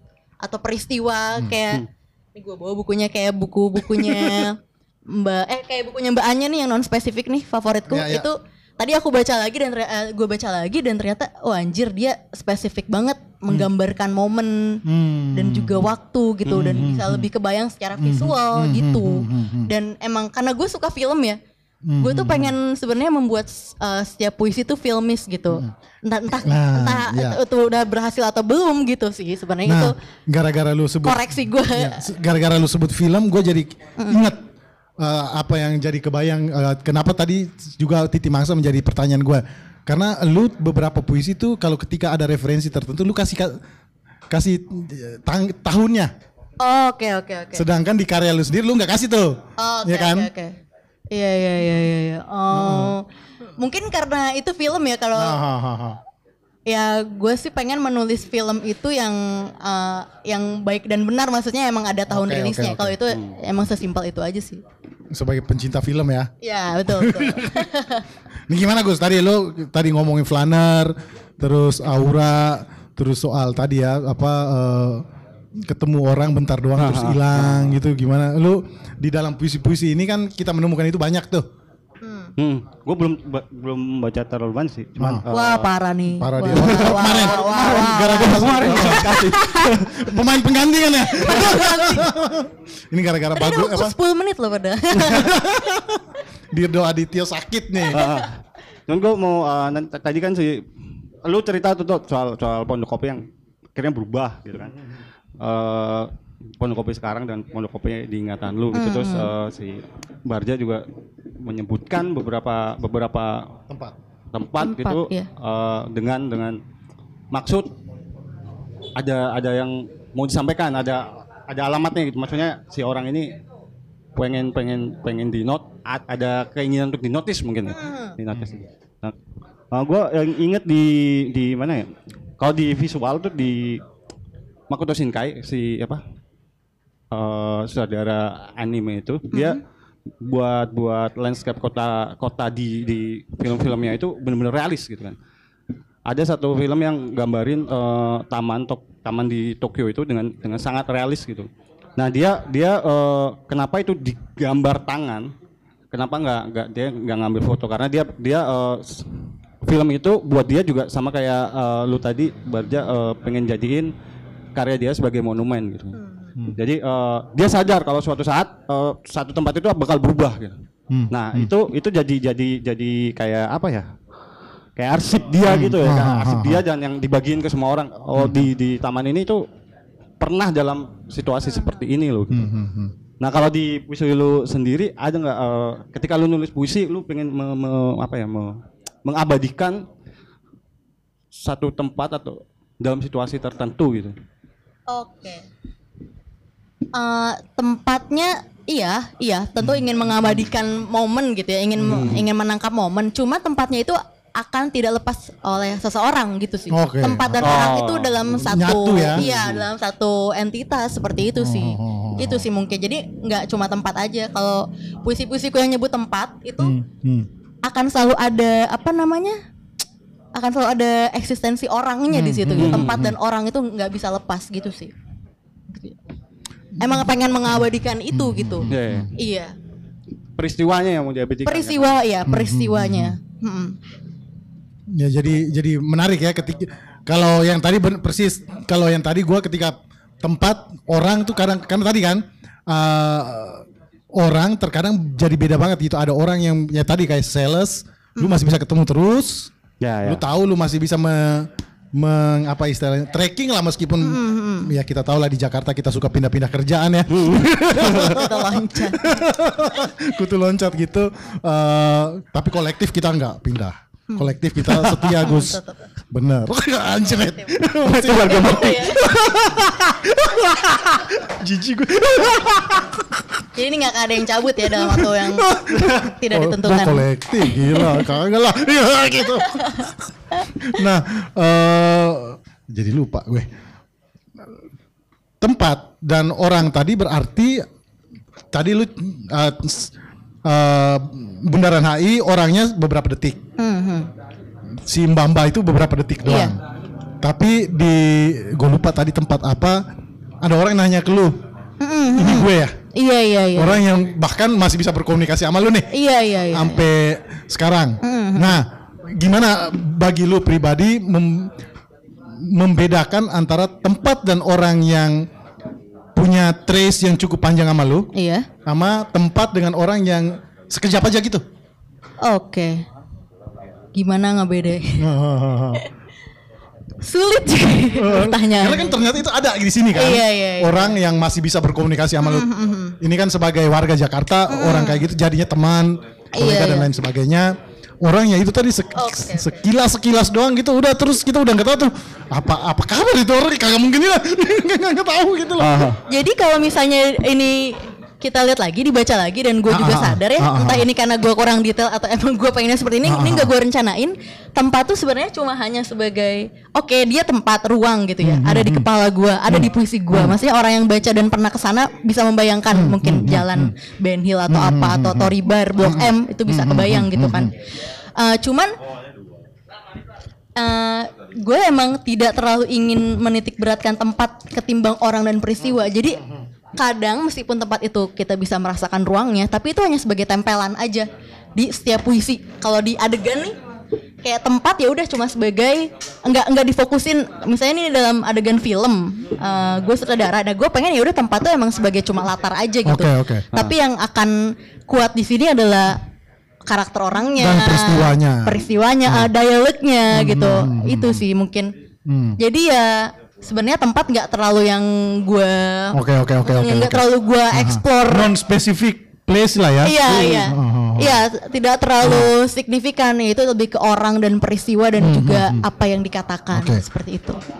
Nah eh, berikutnya gue pengen tahu eh, meskipun dari kita ngobrol-ngobrol mungkin Skoyer nggak tahu eh, ini kan 56 puisi Iya.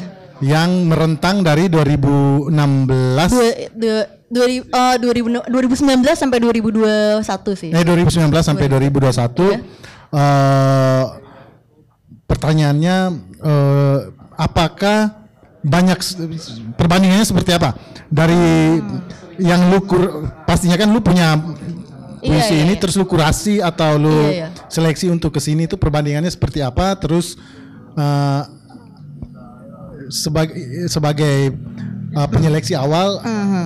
Apa sih yang kriteria apa sih yang bermain atau yang lu tem- Oke. pakai untuk Ukurannya membuat apa? ukurannya apa sampai 56 ini gitu. Hmm, oke.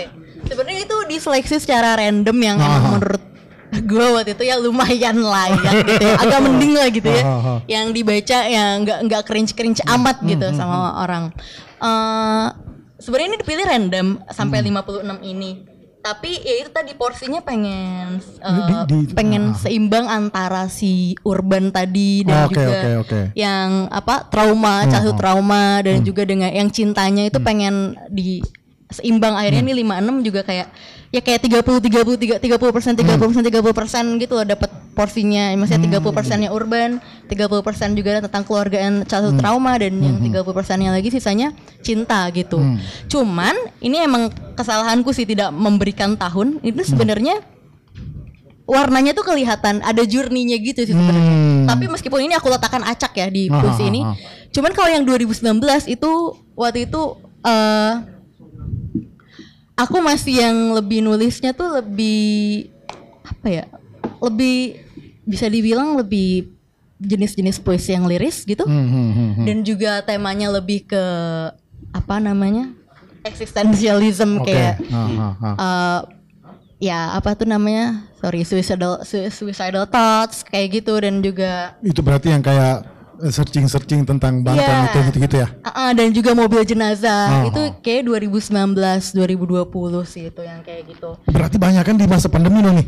iya benar benar itu pas lagi apa Iya, ya. anxious anxiousnya parah tuh Oh, itu di situ oh, yang oh, oh. kayak iya bener bener Iya, iya, itu perjumpaan mati paling deket tuh pas pandemi, Iya, itu pandemi ya. Uh, karena aku sempat mengalami beberapa simptom yang tidak enak tuh pas pandemi tuh Lu ke- maksudnya kena? eh gue nggak tahu ini apa ya cuman waktu itu gue sempat sesak selama dua bulan gitu Buset. Itu kayak ya udah udah kayak Hmm. dan juga udah sempat kayak sering apa namanya sering sholat artinya nggak sholat loh gue padahal udah deket mati ya belum sholat juga Apa? Darmita. Ada Gojek. ermita Darmita. kalau kepada Malah Darmita dompet gua kayaknya jatuh. oh nggak ada ya? Nggak ada tem bukan ya Mbak ya? Oke oke. Nggak nggak bukan. uh, Darmita ya? Bukan ya? oh, bukan kirain Nah tadi eh, Iya. jadi rajin beribadah. Eh, iya. jadi jadi lebih spiritual gitu ya Ah. anaknya jadi lebih religius ya itu eh, juga sem- eh, ada masa-masa seperti itu terus tahun 2020 2020 itu eh, lebih ke yang gue mulai mau explore keluarga karena entah kenapa 2020 2021 itu mau explore eh, trauma masa kecil karena gue udah merasa Hmm. oh udah cukup nih ah eh, gue udah bertahun-tahun masa gue nggak damai-damai. Itu Hmm, tahun 2021-an dua dia itu ada journey-nya sebenarnya. Nah 2001 ke dua- 2021 ke 2022 itu lebih banyak ke yang urban tadi. Oke. karena gue udah mulai makin yakin nih dengan Oh. oke gue akan menulis puisi urban gitu. Dan ini akan menjadi apa istilahnya trademark untuk karya-karya selanjutnya itu Selanjutnya. itu justru terakhir-terakhir yang urban dan juga ada yang code switch Hmm, eh, yang campur bahasa Inggris Indonesia itu pas mulai akhir-akhir Nah, ditulis eh, itu sih ada journey-nya gitu Ah, Oke, eh, berarti kalau kita membaca dengan mendetil kita akan merasakan ya journey itu ya. Iya, iya. Eh, dari satu pu- puisi ke puisi yang lain. iya iya betul Nah, eh, masih teknis. eh, kira-kira berapa puisi yang sebagai draft awal yang akhirnya lu pilih jadinya 56? Hmm, Persentasenya gimana sih itu yang kebuang iya iya berapa yang Oh, kepake berapa gitu? sebenarnya nggak banyak Yang ya. cringe. Tadi kan Yang yang cringe. Eh, yang pernah nggak sih ini eh, Mas Berto gitu kayak baca puisi tahun 2019 atau ya beberapa tahun kayak Kebetulan kayak laptop apa rusak. oh jadi nggak ngalamin itu Ke- Ini jawabannya oke kan? Jawabannya oke kan? Kebetulan laptop rusak. jadi nggak sempet baca ini ya kayak baca ulang karya kayak kayak anjing ini tuh harusnya nggak nggak pernah ha- nggak pernah lahir nih puisi gitu kayak pernah kayak ngapain gue nulis katro, ini Yang katro-katro mah banyak Yang lah. katro itu banyak Berarti lu terbebas dari itu ya? Oh, gue terbebas dari merasa tak pernah katro gitu. Meskipun sampai sekarang katro juga sih. Iya sih, ini juga masih katro tapi ada yang lebih ini les Iya, katro iya, lah ya. kalau, ah. les katro itu ada yang Cuma- more katro. gue itu tadi sih gue menolak membacanya. Terus ketika dibaca tuh kayak malu, kayak ya malu aja gitu. Ya ada ada sekitar ya belasan Belasan yang ini ya? Heeh. Lu dibantu nggak untuk apakah eh, ini kan di sini di eh, di sini kan ada penyunting nih. Oh si Rifki ya? Rifki Serani Fat. Ah justru si Rifki enggak ini jadi proses pertama itu ini kan gue self publish ya yang ini cetakan satu dan dua ya. Ah, ah, ah. Yang ke satu itu gue emang nggak mau pakai editor nggak ada editor gitu karena gue merasa udah gitu. Nah tapi Oh, sorry. Ah. Cetakan satu bukan di langgam. sama sama. Sama. Oke, oke. Ah, Dan cetakan kedua ini gue dibantu sama Rifki. Kayaknya orang lagi denger deh. Halo Rifki. Eh, si Rifki ini ngebantu untuk eh, dia juga yang nyusun ulang eh, apa puisi-puisinya ini Oke. ba- apa urutan-urutan puisinya dan juga penggal-penggal baitnya tuh dia gitu. Ya itu jadi sih kebantu jadi, banget. jadi terbitan eh, pertama sama kedua beda urutannya. beda iya beda urutan beda tapi nggak urutannya. banyak sih tapi nggak banyak sih Oh, sama oke, oke, cover Cover juga. Iya. Ah, Lu bawa yang versi lama nggak? aduh enggak itu udah habis Oh. udah Udah udah nyimpan buat arsip. apa Nyimpan buat arsip pribadi satu doang ya? iya satu Oh, oke oke. Gue jadi penasaran kali ini Hmm. kalau cover dikerjakan oleh em, mana tadi ya? Itu nggak ada namanya Oh yang nggak ada itu dulu sendiri berarti. agak sih sebenarnya ada seseorang lah Oh gitu. kan ini ada Baswe ini kan?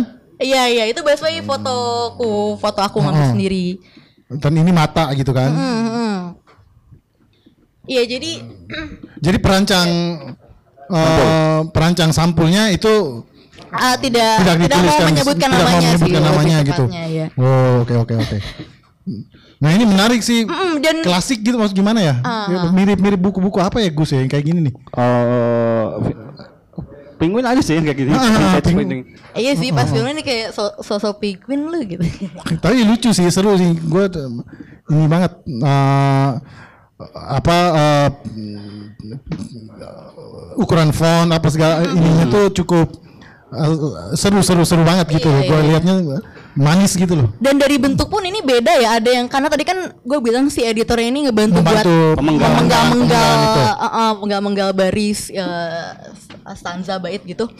Uh, awalnya tuh ada yang lebih kayak apa ya? Gue terinspirasi gak tau ya terinspirasi dari uh, Afrizal gitu yang dia Hmm. kayak udah aja taruh satu paragraf blast gitu jadi puisi. Itu ada juga sih yang waktu itu kayak paragrafnya terlalu penuh gitu. Hmm, hmm. Dan Tapi mungkin di iya, tapi mungkin karena itu tadi mungkin gue tidak bisa se capable itu gitu kayak lisensi poetikanya belum ada kayaknya deh. Oke, oke. Jadi masih kayak gue juga ngerasa kayak nggak genah dilihat Ah, gitu ah. karena belum ada lisensi poetika tadi ya. Hmm. Jadi akhirnya dipeng- dibantu penggal-penggal dan menurut gue ini lebih rapi untuk dibaca gitu. Nah, Nah, ini kan ada teman-teman nih di sini nih. Mungkin teman-teman Ya, gue mau apa boleh tanya nggak? lu mau dulu. boleh, boleh. Hmm. Yaudah, yaudah. Tadi kan uh, lu cerita cerita uh, porsinya ada 30% 30%, 30%. Berarti kan ada ada semacam kategori ya. Iya, Uh, ada yang berdasarkan dari trauma, ada berdasarkan dari uh, Mhm. kisah cinta gitu kan. Nah, Ya ada ada semacam kategori gitu kan. Lu, lu memilihnya berdasarkan uh, di- dibantu sama kategori-kategori itu gitu kan. Nah, uh, pertimbangan apa yang bikin uh, lu akhirnya naruhnya secara random gitu? Secara Bahkan, random. uh-uh. bahkan tahun pembuatannya juga random ya. Mhm. Kenapa ya? Karena gue pengen merasakan apa ya? It- mungkin itu gue emang sengaja emang pengen gitu gitu, pengen se serandom itu, pengen se acak adut itu gitu, tidak tidak ada konsep. Emang pengennya sih kayak nih gue ngasih eh, apa namanya? gue ingin menghamburkan perasaan yang beda-beda gitu yang mungkin Ah. trajektorinya tidak bisa dilihat. Kayak gue pengen menyajikan emosi yang ya acak adut kayak gini gitu. Emang pengen random aja gitu. Rupa-rupa emosi ini jadinya memang warnanya beda-beda dan juga temanya beda-beda dan emang sengaja gitu. Ini sebenarnya justifikasi gue karena gue tidak berkonsep sih justifikasi aja sih ini sebenarnya karena sebenarnya emang gue bisa lebih berkonsep mungkin di next book gue pengen lebih tertata Oke. berkonsep lagi Ta- ta- tadi bisa dilihat trajektori atau journey-nya journey apa pun itulah gitu Oke, ini teman-teman mungkin ada yang mau berkomentar atau bertanya eh, atau apa pun silahkan nih. Ya, Eh, penonton bayaran, silakan. sengaja empat mic. Sebelum nanti ada udah Esa juga di sini terus ada Om Putra Hidayatullah dari Aceh ya di sini ya. Gila udah lama gak kelihat wajah nih hanya zoom zoom aja nih. nanya dong nanya Ayo dong, bebas bebas bukan cuma bertanya tapi komentar Sih, atau apa pun kayak gitu. random bebas. juga ah. nggak apa dah udah lah udah cek, udah cek. udah kepala ngablu ya Iya. ya udah Masuk gak? Masuk masuk. Eh, apa ini eh, Sorry sorry nama. Oh nama eh, Gilang, nama Gilang.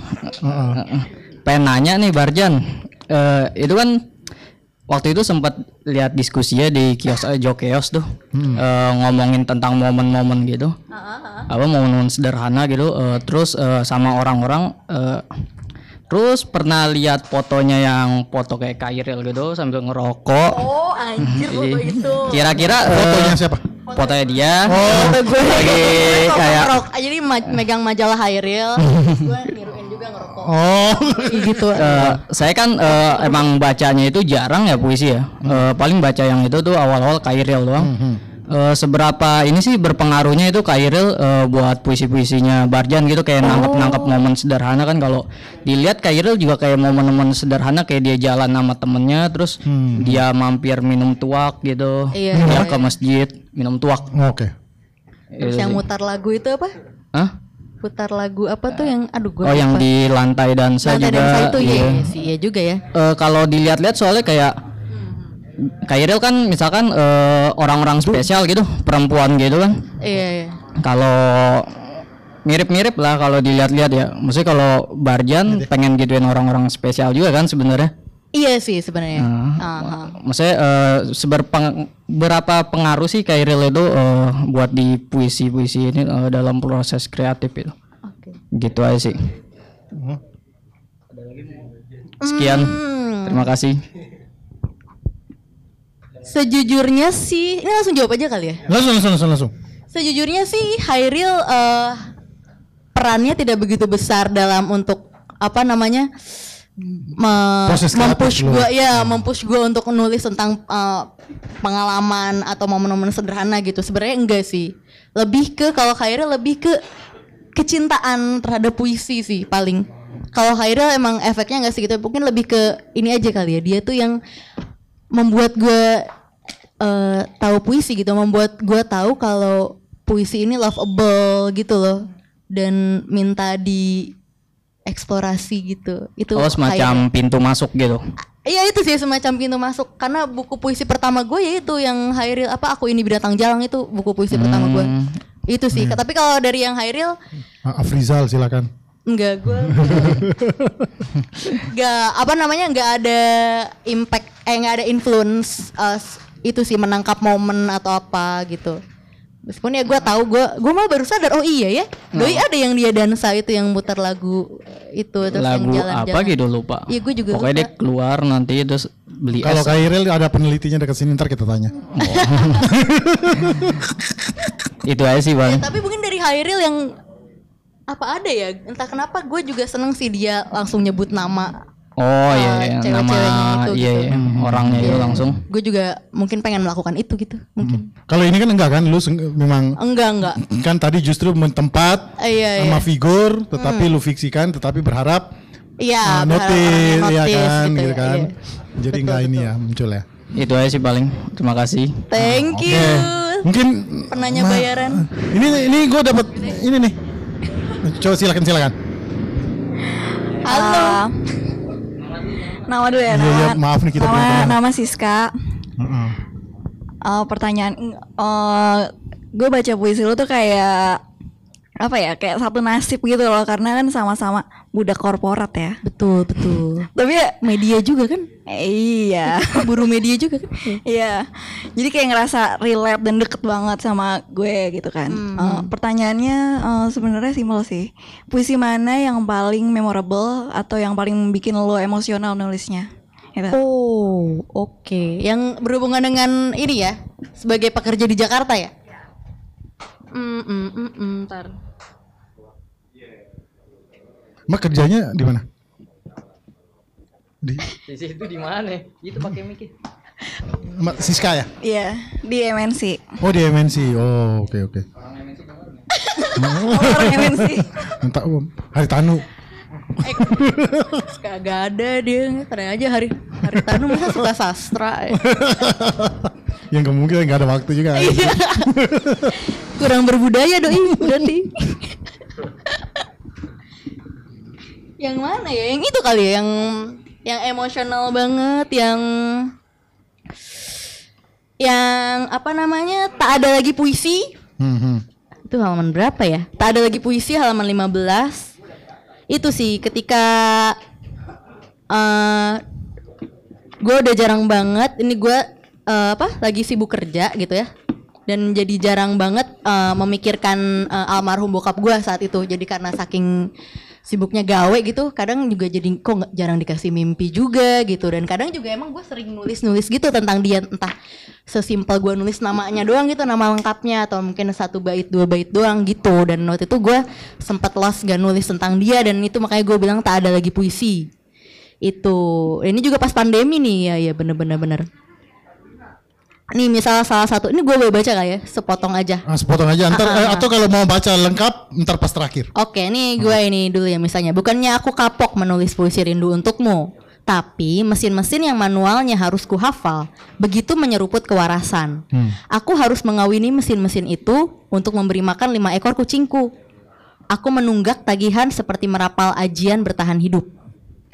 Ya itu sih, misalnya itu yang menggambarkan gue begitu sibuk saat itu. Itu sama yang itu enam sore di Bundaran HI entah kenapa Yang Mbak lari-lari tadi Hmm, itu ya. itu gue suka banget.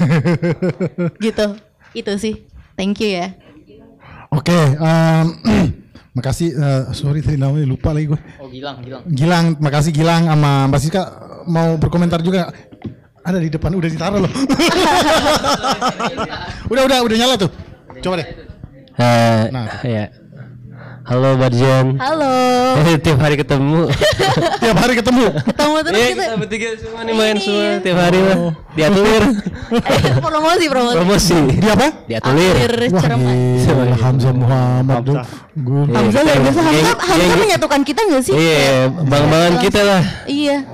Bang Oke, eh, mau nanya aja sih Barjan kan tadi kan lu bilang dulu lu, eh, ada kecenderungannya nulisnya lebih liris ya, lebih Iya. liris dan contemplating, eh, existentialism gitu. Ah sempet tuh ada. Ya sempet kayak gitu. Heeh.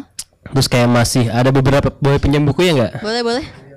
Ini juga udah beli belum? Ini udah gue baca tiap hari juga, cuma eh, udah udah. Oh, udah, oke. Udah punya dua, dua kan dua. Oh, dua, dua edisi ada loh. Terus semua punya dua. yang pertama yang kedua. Eh, kan be- tapi beberapa juga sini eh, sebenarnya masih ada yang kalau gue lihat sih kecenderungannya agak agak liris ya kayak Iya sih sebenarnya. kayak mana ya em, ya ibu melipat ayah Eh, terus ada ya mesti memilih sebenarnya kayak em, Iya iya betul. ada beberapa yang yang nggak ter- yang nggak nggak momen juga tapi eh, ada juga yang contemplating Iya. Eh, tapi lo eh, tadi bilang kayak lo merasa lebih cocok di puisi urban dan puisi yang eh, menangkap momen gitu kan? Em, itu lo shiftnya gimana sih? Apa sih yang bikin lo shift dari dari style tadi? Terus kenapa eh, lo merasa lebih cocok di eh, puisi-puisi yang bisa dibilang urban dan nggak liris gitu? Hmm. Eh, karena mungkin ruang gua untuk menjadi liar gitu itu lebih terbuka di puisi urban dan yang mungkin yang yang tadi yang apa menangkap pengalaman itu pengalaman pengalaman puitik gitu ya dan juga momen-momen puitik itu gue jadi lebih bisa karena gue suka story gue suka film. Itu kan tadi gue suka cerita gue suka film dan untuk menggambarkan sesuatu yang filmis kalau liris tuh gak tau gue nggak pernah bisa gitu. Gitu sih untuk puisi-puisi yang liris. Itu akhirnya kenapa gue memutuskan untuk itu? Ya ketika gue eh, lebih sering check out buku-buku puisi yang puisi-puisi penyair Jakarta sih Ah. ya iya itu sih pas di situ kayak siapa oke. tuh ya Jakarta ya Firman Oh, Ham- Hamzah udah baca udah baca Bang Beto belum Udah, udah yang Udah. ya udah udah. Itu juga salah satunya juga yang apa yang Mas Berto juga ini kan seperti itu kan. Banyak eh, apa namanya? Pengalaman-pengalaman yang absurd gitu kan. Yang Hmm. mencoba yang sederhana sebenarnya kayak bisa keluarnya tuh di kata-kata yang absurd juga Iya, betul. Iya, ya iya, itu sih mungkin pas ketika ternyata gue lebih banyak baca entah kenapa ya kayak alam bawah sadar gue pengennya tuh ba- eh, beli puisi yang nama-nama penyair itu gitu kayak misalnya gue dapat ya itu tadi dari Anya oh Anya ternyata sesirkel sama Ratri Ninditya gue beli itu coba Ratri Ninditya terus gue Hmm, coba ke yang iya. Farhana kayak gitu dan ya, ya sama lah. kayak Edo Edo Walat gitu kan. Kayak sama ya kayak sama sama sama. akhirnya gitu akhirnya ya itu journey gue menemukan orang-orang itulah yang bikin gue kayak nah ini nih bisa nulis kayak gini ya karena kayak ini medium yang cocok buat lo gitu. Mm, mm, jadi lebih bebas. Nah ini ya maksud Hmm. gimana ya? Sorry sorry sorry. Gue suka Lebih cocok lah, bukan lebih Oh, iya, cocok lebih ya. ya lebih lebih cocok lebih kayak lebih dimanjakan aja gitu Eh, apa sih kreat enggak ya maksudnya Lebih proses mudah kreatif gue mungkin. gue lebih mudah untuk tadi ruang gue untuk ngomong kasar ruang gue untuk ngomong kata-kata yang sembarangan itu lebih cocoknya di puisi-puisi yang momen puisi-puisi urban seperti itu gitu Hmm, itu sih oke, oke, dan oke. juga ketemu-temu sama kalian semua ini Iya. ini kan ngumpul sama anak-anak atelier yang rata-rata yang puisinya kan kayak gitu kan. kayak gitu gimana? Or urban terus ini ada yang suka main-main code switch kayak gitu dan Di atelier belum diinin tapi. Belum apa? Diskusi di atelier. kapan nih? Iya nah itu justru itu kenapa gitu. kenapa belum ya? Oh September. September September. Gue tagi loh. Iya tagi aja Hamzah. Lagi tuh ke Hamzah tuh. Nah ini ada Om Uda Esa nih. Tadi udah sempat nyinggung-nyinggung Kairil dan juga sebagai Waduh, ini salah satu nih pengamat. saya. Perpuisian Indonesia nih silakan Esa. Aduh, mau ngomong apa nih? Iya. Barja. Sel- Selamat dulu untuk buku puisinya ya. terima kasih mas mas Iya. jangan susah-susah ya mas Oh enggak, aku enggak nanya susah-susah kok. Eh, enggak, kebetulan tadi eh, pas Berto eh, share posternya ini eh, enggak dan baca-baca baca baca keterangan dari Berto oh Jakarta menarik ini gitu karena aku ya ya sangat tertarik sekali dengan puisi-puisi tentang Jakarta ya karena memang eh apa eh, setiap dekat dengan daerah itu aku juga juga merasa merasa harus menuliskan sesuatu di daerah itu termasuk termasuk Jakarta gitu. Nah, yang menjadi keheranan tuh eh, ternyata tetap masih ada ya orang anak-anak Jakarta yang nulisin puisi tentang Jakarta itu jadi satu ke satu keheranan tersendiri masih tetap percaya ter- terhadap puisi gitu loh dan menuliskannya gitu. Nah, ya, be- eh, beberapa waktu belakangan kan ada juga ya Toya Barjaya. Ada yang nulisannya kayaknya tadi disebut sudah disebut juga yang bukunya kota ini kembang api. Mungkin aku nggak tahu kalau Hamzah Hamzah mungkin nggak secara dia mungkin nggak nggak nggak memperlihatkan la- terlalu banyak terhadap lanskap Jakarta di dalam puisinya. Ah, ah iya spesifik Romangun ya. Kalau kita mungkin agak agak berjalan berkelana ke mana-mana ya Berto ya. Jadi jadi kelihatan eh, yang aneh-aneh dari Jakarta itu kelihatan gitu Eh, ya yang mau aku tanyain tuh sebenarnya eh apa ya? Ya sederhana saja gitu. Eh sebelum apakah sebelum eh, Jakarta nggak sih Barja? Sebelumnya Jakarta nggak sih? Sebelumnya oh, Bogor, Bogor. iya. Oke oke ya sama lah ya. Eh bu nggak ya anak Bogor jarang juga main Jakarta mungkin ya. jarang. Eh, maksud aku tuh eh, Barja nulis puisi nggak sebelum eh, sebelum pindah ke Jakarta atau pas tiba di Jakarta merasa sesuatu dan harus menulis puisi gitu. Nah, kenapa kenapa kenapa mesti puisi gitu? Kenapa mesti percaya pada puisi untuk mengungkapkan eh, hal-hal yang yang yang yang mungkin dianggap apa ya?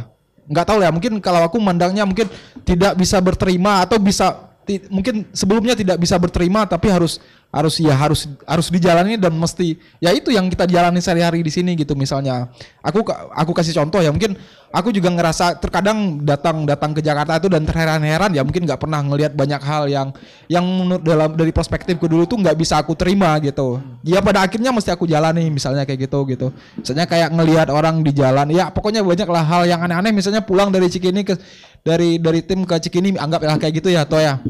Ngelihat hal-hal yang yang terkadang membuat aku itu eh, belum bisa aku terima gitu. Belum bisa aku terima ya kayak orang yang, eh, ngemper di jalan eh, tidur bawa bawa eh, bawa apa namanya kantong sam, se- segala macam karung sampah. Itu kan hal-hal yang sebelumnya tidak bisa aku terima yang pada akhirnya mesti ya mesti mesti setiap hari aku lihat gitu ya. Nah yang terkadang aku eh, kadang-kadang masuk dia di dalam puisi gitu. Nah, yang ingin aku tanyakan tuh apakah sebelumnya Barja eh, menulis puisi gitu? Pernah menulis puisi ya? Ya Bogor tadi gitu. Atau jangan-jangan pas baru pindah ke Jakarta dan merasa nih kayaknya puisi nih yang cocok untuk untuk eh, menumpahkan semuanya ya keruwetan Jakarta ini gitu. Itu aja sih Barja, makasih. Gue gue boleh gue boleh nyambung. Boleh, boleh, berhubungan, berhubungan sama uh, ini sih tadi. Uh, kan kenapa berhubungannya di kenapa kenapa harus puisi gitu kan. Sementara uh, Barja tadi cerita kalau Barja suka suka sama cerita. Terus Barja juga penggemar film gitu kan. Nah, itu kenapa harus puisi dan kenapa bukan cerpen atau Nah, itu. Oke oke. Hmm. Kenapa begitu percaya kepada puisi? Oh ya, sorry, sorry gua gua ref- Eh. ini dikit pertama tadi Iya, iya. eh, sebelum di Jakarta menulis puisi apa enggak gitu gitu. Oh kalau sebelum di Jakarta di Bogor eh, waktu semasa di Bogor ya berarti semasa kecil sampai sekolah SMA itu memang suka menulis puisi juga dan memang waktu di SMA apalagi kayak kalau ada lomba puisi biasanya aku yang di apa di as- assign buat itu ikut lomba jadi memang suka menulis itu emang udah dari pas sekolah gitu menulis juga cuman belum ada keinginan untuk eh, apa namanya menghasilkan sebuah karya yang dibukukan gitu. Cuma kayak nulis di note Facebook kayak gitu lah ya. yang ketika emang udah ada niat untuk lebih serius lagi mempercayai meyakini puisi gitu itu ya memang ketika ke Jakarta. Dan kenapa puisi sih? Mungkin eh padahal gue suka film gitu ya. Ya ya itu tadi mungkin I was not privileged enough untuk men apa namanya? film. untuk bikin film ya.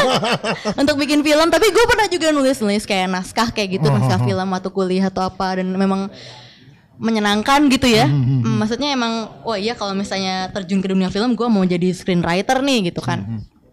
Cuman ya, emang dari dulu eh, memang wasn't privileged enough gitu untuk mencicipi namanya bikin film dan juga ternyata memang karena dari kecil sudah kenalnya sama puisi waktu TK tuh gue pernah ikut lomba puisi tuh. Itu yang akhirnya ya emang karena kenal duluan sama puisi.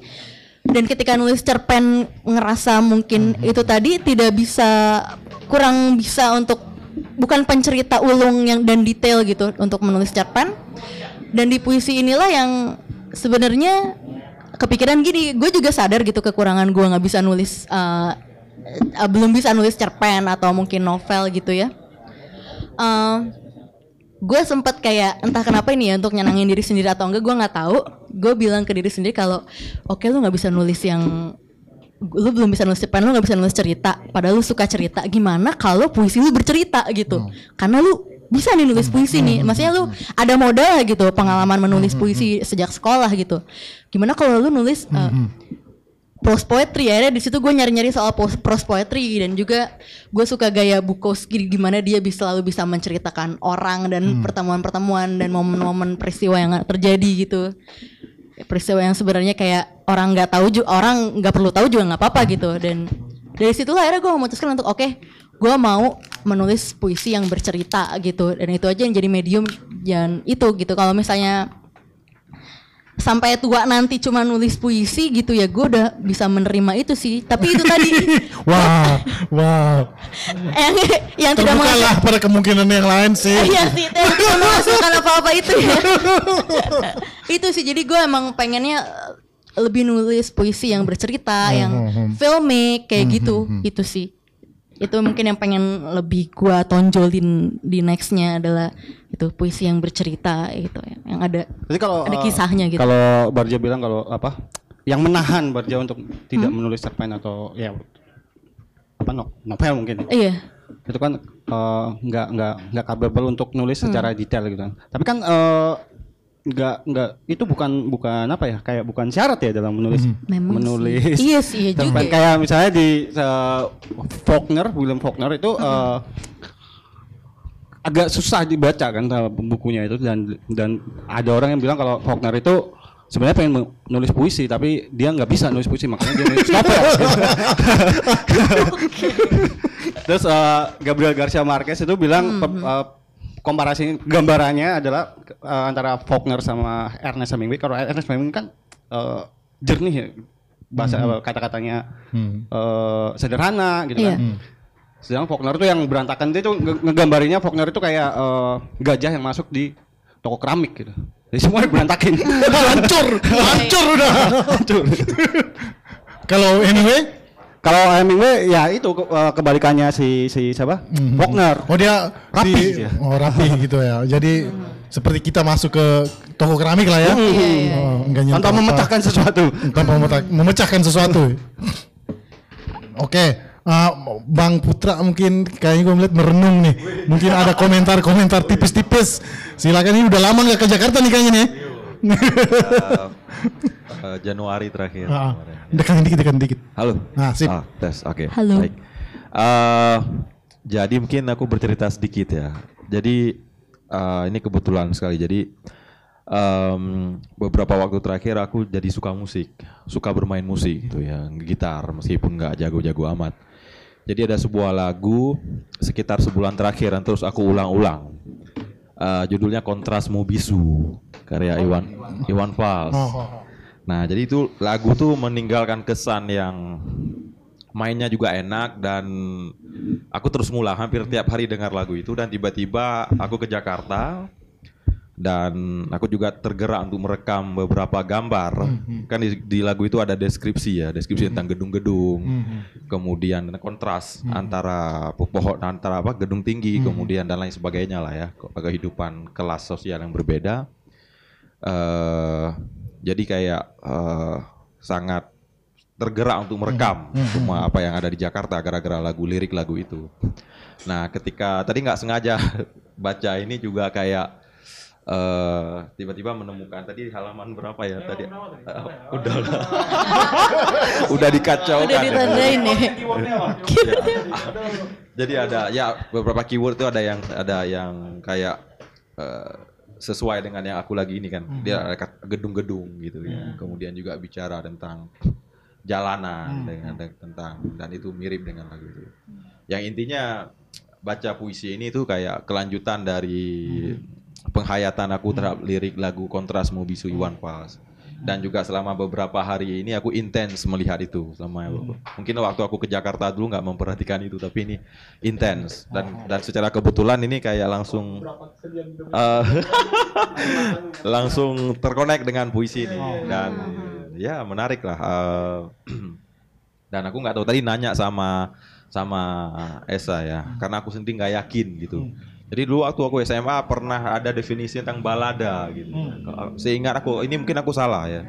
Seingat aku balada itu adalah cerita yang yang apa puisi atau nyanyian yang berbentuk kayak cerpen. Kayak misalnya kayak si uh, lagu Iwan Fals itu sore teguh pancoran gitu ya. Si budi kecil kuyup menggigil gitu ya menahan dingin tanpa jas hujan. Itu kan kayak asik ya. kayak apa namanya kayak cerpen dia. Tapi dia kan lirik Dan kalau musik itu mungkin kayak puisi yang Hmm, hmm. dinyanyikan gitu ya. Ya Hmm. kalau sebuah saya pribadi Iwan Fals memang bukan penyanyi ya, tetapi penyair yang bernyanyi. Wah, asik, asik, asik, Ya. asik. Jadi eh, Itu kenapa apa siapa kemarin yang dapat Nobel sastra tuh penyanyi siapa nih? Dylan. Bob Dylan. Iya, iya, iya. Jadi oke sih dan eh, eh, aku ingin nanya aja sedikit sebenarnya pertanyaan Hmm. sangat sederhana. Kira-kira ada eh terpe apa ada semacam terpikir nggak untuk membuat semacam jadi nyanyian atau kemudian juga ada apakah ada sedikit banyaknya terilhami dari Iwan Fals atau dari Lagu-lagu gitu ya. lagu gitu. Yang balada-balada itu ya. Ah, iya, iya, iya, iya. Tapi tadi sebenarnya aku bisa merasa ketika baca tadi langsung menangkap bahwa dia menyebutkan dia senang cerita Hmm. dan dia nulis puisi dan ketika aku baca puisi-puisinya memang kayak balada kayak ada puisi yang di dalamnya ada cerita gitu. Hmm, hmm. Iya. Ya, Hmm. mungkin mungkin itu dari kakak Siap, Batu ya. makasih. Oke. Om Putra. Terima kasih. Ya. Silakan. dia. Oke. Silakan Marjan. Yang pertama eh, tentunya pengen sekali sih membuka eh, Mhm. Membuka diri terhadap kesempatan-kesempatan baru Mhm, untuk mhm. bisa apa? melakukan sebuah puisi seperti itu kan? Pengen juga sih karena aku juga suka dengar musik gitu dan salah satu yang bikin aku eh, apa kesengsem sama sebuah lagu itu adalah liriknya gitu dan makanya aku juga suka banget lagu-lagu yang uh, liriknya ya istilahnya poetik kayak gitu atau absurd, obs obskur gitu ya. Aku juga suka gitu lagu-lagu yang seperti itu gitu. Uh, jadi pengen sih mungkin kayak collab misalnya nih collab sama musician gitu untuk aku uh, membacakan puisiku diiringi dengan musik gitu memang itu pengen banget gitu uh, Mas uh, Mas siapa namanya? Putra Hidayatullah. Putra, Mas Putra ya Allah aku lupa. Maaf, maaf. Putra pelipur lah, PPL. sorry sorry Mas Putra. Iya, Mas Putra. Nah, ini Mas Putra ini dari Aceh eh, dulu aktif di Tikar Pandan tapi sekarang bikin satu kolektif baru ya. Ah, aku lupa lagi namanya. Apa? Sajan ya. Sajan gitu di Banda Acehnya ya. Di Banda Aceh dan kayaknya eh, ya mungkin menarik sih kalau misalnya teman-teman kalau ada kesempatan main ke sana Banda Aceh ya ada tempat nih di, di tempat Bang Putra mampir aja.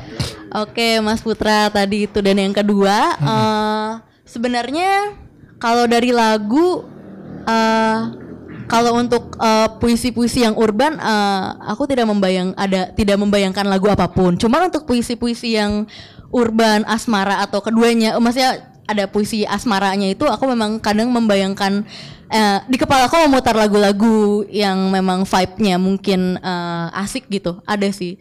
Kayak misalnya nih ada lagu eh misalnya kayak aku ngebayangin satu cowok dan cowok ini tuh misalnya cowoknya indie banget gitu ya. Emang di kepalaku tuh memutar lagu-lagu indie atau yang vibe-vibe-nya kayak summer vibes gitu. Kalau yang sedih-sedih aku juga emang denger lagu lagu-lagu genre yang shoegaze gitu kayak gitu sih ada sih sebenarnya gitu maksudnya ketika membayangkan eh, seseorang karena aku udah nggak nggak kontak lagi orangnya gitu ya jadi aku mencoba untuk menyerap eh, bentuk-bentuk emosi yang dulu terjadi itu ya dengan retrieve-nya ya dengan membayangkan dia lagi gitu jadi sama sekali nggak interaksi lagi gitu membayangkan dia lagi Apakah dia yang lagu.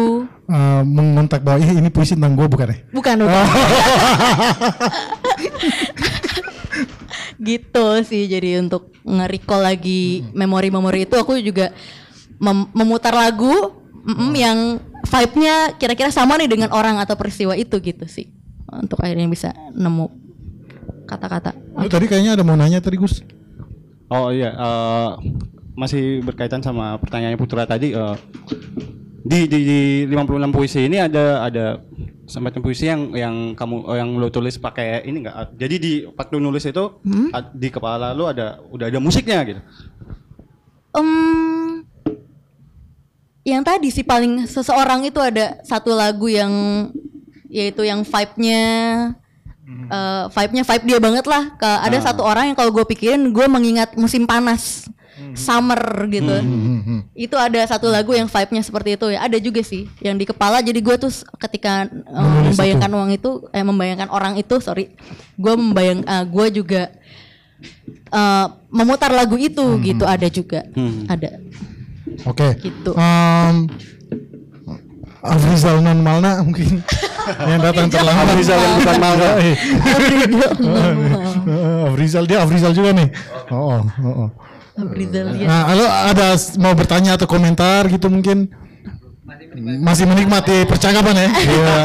Ah, ah, ah, ah. Makasih nih udah datang lagi nih. Thank you udah datang loh. Didatengin Afrizal kapan lagi gitu ya. coba. Oh, oh.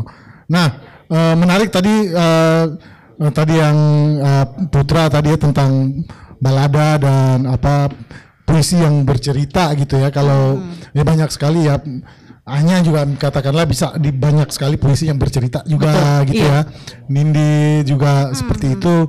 eh nah tadi yang apa satu kawan kita tuh kan spesifik Rawamangun tadi tuh kan yang kita nggak ini apa eh, memikirkan itu. Nah, tetapi dari tadi tadi eh, Barjan eh, sudah menyatakan bahwa eh, akan ada puisi puisi lanjutan Iya. dengan eh, konsentrasi yang sudah cukup spesifik juga gitu akan bercerita tentang eh, kehidupan urban dan itu Iya. yang akan jadi katakanlah proyek berikut ya Betul, proyek betul. berikut dari lu gitu artinya apakah lu menggadaikan hidup kepada Jakarta lu nggak membuka kemungkinan gitu misalnya tiba-tiba dapat kerjaan terus kerjaannya di Palu gitu atau di Pulau Bintan gitu misalnya apakah lu menutup diri terhadap Iya iya iya bener juga sih ya. Temen Gimana gue gitu? juga ada yang bercanda lu nulis Jakarta mulu, kapan nulis Tengg- Trenggalek gitu. Ah, aduh, Iya benar, benar, bener ada temen gue yang ngomong gitu random banget. gimana gimana? Eh, kan itu jadi eh, artinya kan eh, gua nggak tahu nih ya Eh, ini tadi si Simon dan Anggoro gimana sih? Ada ada dua kan antara nasib dan takdir gitu loh. Eh, apa? Nah ketika kita menyatakan diri untuk menuliskan sesuatu tema tertentu kan berarti kita mungkin kalau dalam konteks penelitian atau apa kan berarti udah kita menjadikan situ sebagai lokus eh, penelitian kita sebagai lokus untuk kita berjibaku untuk melakukan atau menulis sesuatu. Kalau gua pribadi sih, eh, misalnya gua melihat penulis atau cerpenis, eh, penyair gitu kan juga semi semi peneliti juga gitu kan dia Iya. meneliti dan eh, dengan ya keluarannya dengan gaya yang berbeda aja gitu. Hmm. Nah, lu sendiri juga sudah menyatakan tadi sebagai eh, urban. Nah, ini selain tadi lu menggadaikan diri, apakah dengan begitu lu akan me- mengutamakan proyek puisi atau daripada nasib lu atau takdir lu nanti atau gimana gitu? Artinya kan bisa menolak Oke. segala kemungkinan-kemungkinan Oke. untuk pindah ke mana gitu demi proyek gue nih gitu. Iya juga ya. Sebenarnya kalau urban tuh eh, mungkin ini udah udah ngedengar kata urban kayak udah Jakarta sentris banget gitu ya, hanya Jakarta. Cuman kalau gue sendiri tidak akan menutup kemungkinan ketika Oh, iya, misal nanti nih gue akan jalan-jalan ke Jogja, misalnya ke Bandung gitu ya, atau mungkin nanti gue ada rencana mungkin mau ke Bali gitu, Mhm. misal. Ya, gue nggak akan menutup kemungkinan itu gitu Mhm. untuk mengamati kota-kota baru, eh, Mhm. misalnya di Denpasar atau di Bandung, di Jogja gitu. Gue nggak akan menutup kemungkinan untuk lebih peka juga untuk mengamati itu gitu. Karena di judul bukunya juga ibu kota kan, Iya, bukan, betul. bukan ibu kota negara gitu. Oh iya benar, ibu kota Iya, doang. benar. Bisa ibu kota kabupaten gitu. Ibu kota Jawa Barat gitu Bandung Bisa. gitu ya. ah, ah. Sebenarnya di sini ada Jogja juga. Kalau ada yang nanya kok ada Jogjanya lah. Aha. Jogja juga ibu kota gitu. Ini Ah. juga tentang Jogja satu tuh. Eh, nggak akan eh, mungkin urban tuh lebih ke apa ya? Lebih ke tema kali ya. Mhm. Lebih ke tema atau mungkin lebih ke gaya Ah. gitunya sih. Itu tadi dengan eh, dengan gue nggak tahu adakah yang namanya gaya urban tapi Hmm. gaya menulis yang uh, urban inilah yang bikin gue tadi tuh bisa lebih luas gitu ruang geraknya gitu dan kayak gue lebih bisa lepas dari seakan bisa bebas dari norma-norma gitu gitu sih tapi mungkin nggak akan tentang Jakarta aja gitu karena ini juga Oh, sebenarnya keter- pengertian tadi ya. Mm-mm, keterbatasan ini aja sebenarnya sih keterbatasan dana sih sih kayak kayak pengen urban traveling juga ke, ke kota-kota lain Oh. gitu sebenarnya ini cuma karena masalahnya satu doang nih Oh. faktor Dana doang gitu. ya dana Oh. doang ya Coba nanya ke Hamzah tuh bisa tuh dia. pengen banget gitu bisa Nih, oh, Om Putra mau nambah nih. Aku mau nanya sekaligus sharing pengalaman juga. boleh boleh Eh, jadi tahun 2018 aku ada di sebuah cerpen di Koran Tempo judulnya Los Muertos tentang upacara kematian di Meksiko. Ah, jadi tentang eh, sepasang kekasih ya yang jadi hantu. Jadi kisah cinta percintaan hantu lah. Nah, setelah aku cerpen cerpen itu dipublish, eh, aku sedikitnya dikritik oleh teman-teman di Aceh eh, karena aku menulis tentang Meksiko dan aku menulis tentang hantu Meksiko. Uh, kata mereka dengan tuduhan lain juga kebetulan waktu itu aku juga baru pulang dari Eropa. Jadi dengan kondisiku yang baru pulang kemudian aku nulis puisi apa nulis cerpen yang tidak tentang tema Aceh. Jadi aku mengalami semacam uh, tuduhan ya. Kalau uh, buka- tidak lagi Aceh misalnya sudah sudah menulis kalau mau nulis tentang hantu dan sesuatu yang magis sesuatu yang seperti yang gaib-gaib gitu ngapain jauh-jauh ke ke apa? Ke Meksiko. Meksiko. Oh. di sini barangnya lebih gitu. Nah itu yang aku alami ya semacam dengan kata lain ada semacam kontrol. Oh. uh, what I should write gitu ya. Uh, di pengalaman aku lupa nama Barjan ya. Barjan. Ah, di pengalaman Barjan mengalami yang seperti aku alami ini enggak dan itu pertanyaan pertama. Pertanyaan kedua bagaimana Barjan melihat eh, fenomena yang aku alami ini? Mhm. bagaimana eh, menurutmu gitu? Oh. oke. Pendapatmu. Ya. Jadi problem menulis tentang yang lain ya. Nah, iya iya iya iya. Gimana ya eh, mungkin the field of experience aku juga masih terbatas nih ya. Jadi aku jawab dengan keterbatasanku aja ya. Eh, eh, gimana ya Eh, tadi yang pertama sorry ya Pak, Pertama ingat kan yang- menulis yang kedua nih. menulis apa bagaimana eh, oh. menulis itu. Mm-mm. Hmm, hmm. iya iya. Iya iya iya. Iya iya kan bisa aja bisa ada kelompok atau apa teman-teman misalnya Mhm. "S- kenapa dia nulis tentang Jakarta seolah Bogor ini nggak ada persoalan Ah. Oh iya iya Oke, iya. iya, paham, iya. paham. sip sip sip Silakan silakan Barjan. Eh, Mulai malam makin susah nih pertanyaannya. ya. jadinya emang makin malam makin susah. Eh, kenapa ya? Karena ini sih. Oh iya, ini, oh, sorry eh, sorry sebelum itu kan tadi sempat diskusi di Bogor. Mm, mm, mm. Apakah muncul juga pertanyaan per- pertanyaan itu kayak kenapa sih lo jarang menulis tentang Bogor misalnya gitu? Malah Oh, nah, gitu kayaknya muncul ada? Oh, deh. Kayaknya ada deh kalau nggak salah ya.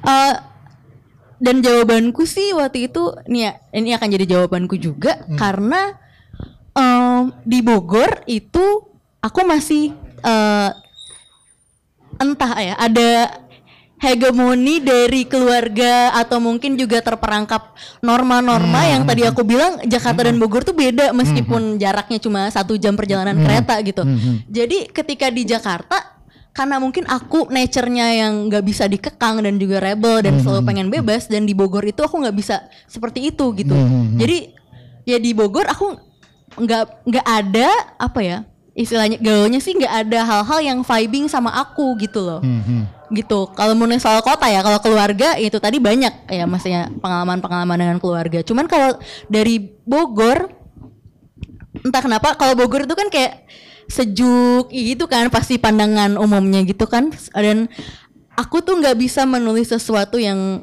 na- naturalistik Hmm. seperti itu gitu. Gitu. Dan yang kayak sejuk apa aku lebih suka nulis yang chaos yang kayak gitu yang yang disorder gitu yang kacau yang yang yang banal yang aneh kayak gitu sih mungkin. Dan di Jakarta itu dibanding Bogor Jakarta tuh lebih lebih lebih karut marut gitu. Jadi itulah kenapa mungkin itu lebih vibing dengan jiwaku aja yang nggak mau dikekang gitu sih. Dan jadi nggak ada aku kalau aku sendiri sih nggak ada nggak ada rasa bersalah gitu loh untuk akhirnya tidak menulis kota yang sudah membesarkanku selama eh, 21 tahun gitu sebelum akhirnya ke Jakarta. Gitu sih. Kalau yang tadi gimana? Yang- kedua tadi eh, pendapat. Maaf. Gimana melihat fenomena itu? apa? Pertanyaannya tuh waktu itu kalau nggak salah gue ingat eh, kenapa kalau di Bogor puisi puisinya Barjan yang tulis di Bogor itu kontemplatif dan lebih liris, lebih eh, Oh, iya, itu. Itu dari benar-benar. Saiki. Terus pas di puisi ini tentang Jakarta chaos chaos dan Hmm. dong dong dong dong gitu Iya itu dia mungkin karena nggak ada yang bisa dieksplor dari lands eh, secara ini ya secara urbannya di Bogor Hmm, gitu mungkin itu gitu. Jadi akhirnya mencoba untuk eksplor dari itu tadi eh, pengalaman pengalaman dengan keluarga trauma-trauma internal seperti itu gitu sih. Jadi lebih cocok dengan jiwaku ya di Jakarta di mana tadi aku bisa mungkin nulis lebih eh, chaos gitu. Mungkin ada juga kata-kata yang mungkin vulgar seperti itu. Itu sih. Eh, kalau tadi untuk yang uh, pertanyaan kedua, uh, menurutku uh, apa ya atas tanggapan kritik itu, menurutku nggak masalah karena kita bebas mau nulis apa aja nggak sih? Kalau gitu aja sih mungkin pendapatku. Uh, ya kenapa harus ya ya menurutku ya aim for sesuatu yang baru gitu kan Eh, ya nggak apa-apa gitu kita coba untuk eksper- eksperimen nulis eh, sesuatu karena menurutku untuk oke oke misalnya aku pengen menulis soal ada nih puisiku nih mas yang soal eh, Paris kota ya aku emang nggak akan pernah bisa ke Paris mungkin sampai kapan pun gitu ya. Tapi kita kan tahu itu dari film-film buku-buku studi pustaka atau mungkin dari bahan lain. Dan menurutku itu sah-sah aja. Kayak untuk nulis sesuatu yang mungkin jauh secara jarak dari kita yang mungkin kita nggak akan bisa ke sana gitu atau tidak memungkinkan ke sana untuk saat ini. Ya menurutku sah-sah aja sih. Karena tuh buat apa diciptakan buku buat apa diciptakan film dan musik gitu ya dan produk budaya lain kalau untuk dipelajari dan juga jadi bahan pengamatan dan juga research gitu jadi menurutku nggak apa-apa untuk Mas menulis eh, hantu-hantu Meksiko dan bukan kuntilanak atau genderuwo gitu. itu sih. Nah, ya nyambung nyambung dari Putra tadi ya. eh, nah ini sebenarnya pertanyaan ke nggak cuma ke Bardia tapi ke Berto juga terus ke Esa dan ke Putra juga gitu yang nulis. Eh, sebagai penulis puisi atau penulis prosa gitu kan. eh, ketika nulis itu beban itu tuh ada nggak? Beban sebagai representasi kampung halaman gitu. Kan Berto dari Larantuka, Putra dari Aceh, Barja dari Bogor, eh Sa- dari- saya dari Padang gitu lah. Ada beban itu enggak? Nih. Kalau gue sih nggak ada sih, nggak ada beban itu gitu ya. Karena kalau misalnya ya ini gue kutip uh, balik tadi ya. Ini gue kutip Ardi Yunanto meskipun agak berbeda dikit. Uh, waktu itu sempat ngobrol sama Ardi. Dia kan menulis rahasia kec- bermain rahasia tuh ya, novelet bermain rahasia. Dan di situ uh, tokoh utamanya perempuan. Terus waktu itu kalau nggak salah Edo atau gue gitu nanya "Ah, gimana lu sebagai laki-laki dan menulis tentang perempuan gitu? Ah, kan tuduhan bahwa merepresentasikan segala macam ah, pandangan-pandangan seperti itu ada gitu. Nah jawaban Ardi menurut gue baik banget gitu ya oke banget. Bahwa menurut dia ah, untuk memperkenalkan sesuatu atau untuk mengangkat sesuatu tidak tidak bisa kita katakan cukup dengan eh, apa satu dengan representasi dengan jumlah yang terbatas gitu. Untuk sebuah masalah yang cukup besar dan untuk sebuah tempat itu eh, ya perlu untuk kita semua menuliskan tentang sesuatu itu gitu. Sebagai contoh misalnya waktu itu gue ingat misalnya untuk menceritakan tentang hidup seorang tukang taksi, eh, supir taksi.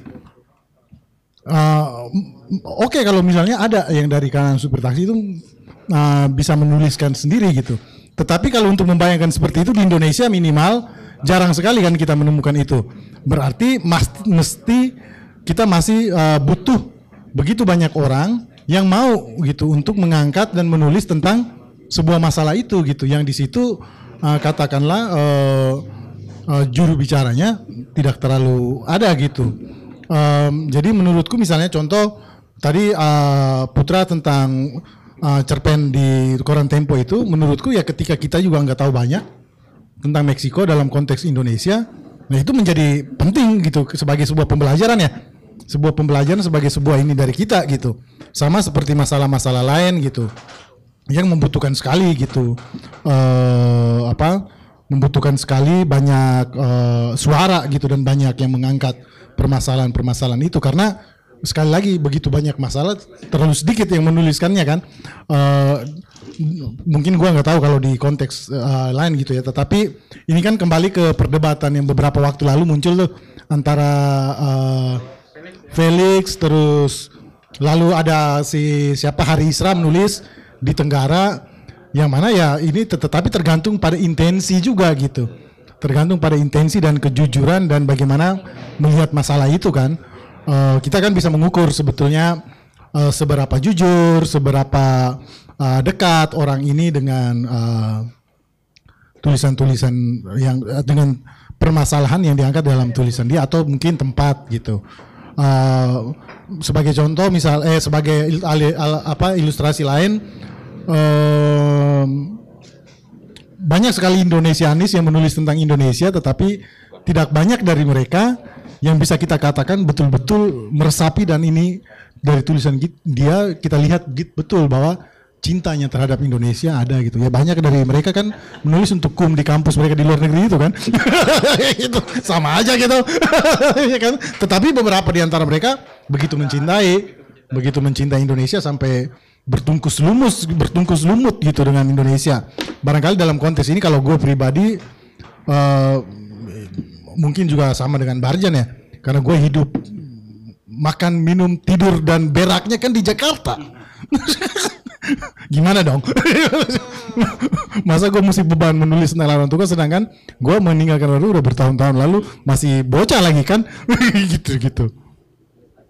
Gitu sih kalau gue. Gimana? Eh, halo, kedengar ya. Eh, kalau aku mungkin eh, dalam pertanyaan yang bagus sih soal beban eh, daerah dan lain sebagainya ya, dok. Eh, jujur, eh, buat aku sebenarnya dari awal ya mindset awal itu yang penting eh, karya itu adalah karya yang jujur. Jadi terutama kalau aku dulu biasanya dari keresahan apa yang memanggil perhatian gitu. Kalau dulu beberapa cerpenku misalnya bicara tentang masa lalu Aceh dan kekerasan. Nah, nah, aku nulis tentang itu karena panggilan nuraniku untuk menulis tentang itu, bukan karena daerah dan aku aku merasa ada semacam freedom yang aku ketika itu sudah diganggu misalnya harus tentang tentang itu tentang ini nah aku sudah tidak bisa mengikuti gitu. Jadi kayak eh, bahkan aku menyadari adanya dikotomi itu eh, setelah ada kritik itu setelah ada kritik oh ternyata ada dikotomi antara kampung sendiri dengan kampung luar gitu yang logikaku sendiri tidak pernah melihat secara dikotomi seperti itu. Buat aku ya ceritalah peristiwa manusia gitu. Dan dan manusia kan bisa di mana aja gitu. Dan terutama apa yang menarik perhatian menarik apa semacam energi kreatif lah ya. Bisa ketika kita lihat Meksiko kayaknya menarik dan terpanggil untuk malah menulis tentang itu ya aku mengikuti itu. Meskipun pada masa aku kena kritik itu sempat goyang juga sempat goyang juga karena ini menyangkut persoal identitas ya kita kan manusia butuh semacam place where to belong istilahnya. Jadi where to belong aku itu aku merasa tergoyang sedikit apa ada yang salah gitu. Sempat aku nanya dan diskusi sama penulis lain juga gitu. Nanya nggak ada yang salah dengan seperti itu? Sempat diskusi dengan Azhari juga. Nah Azhari juga mengencourage aku untuk semakin kita bisa mengeksplor lebih jauh itu lebih lebih bagus kan terus mengasah gitu. Tidak hanya main di jago kandang gitu tapi coba ke wilayah-wilayah lain. Kan. jadi kayak yang dia lakukan misalnya kalau selama nulis tentang darat dia coba nulis tentang laut gitu bajak laut misalnya. Jadi terus mencoba menantang diri gitu.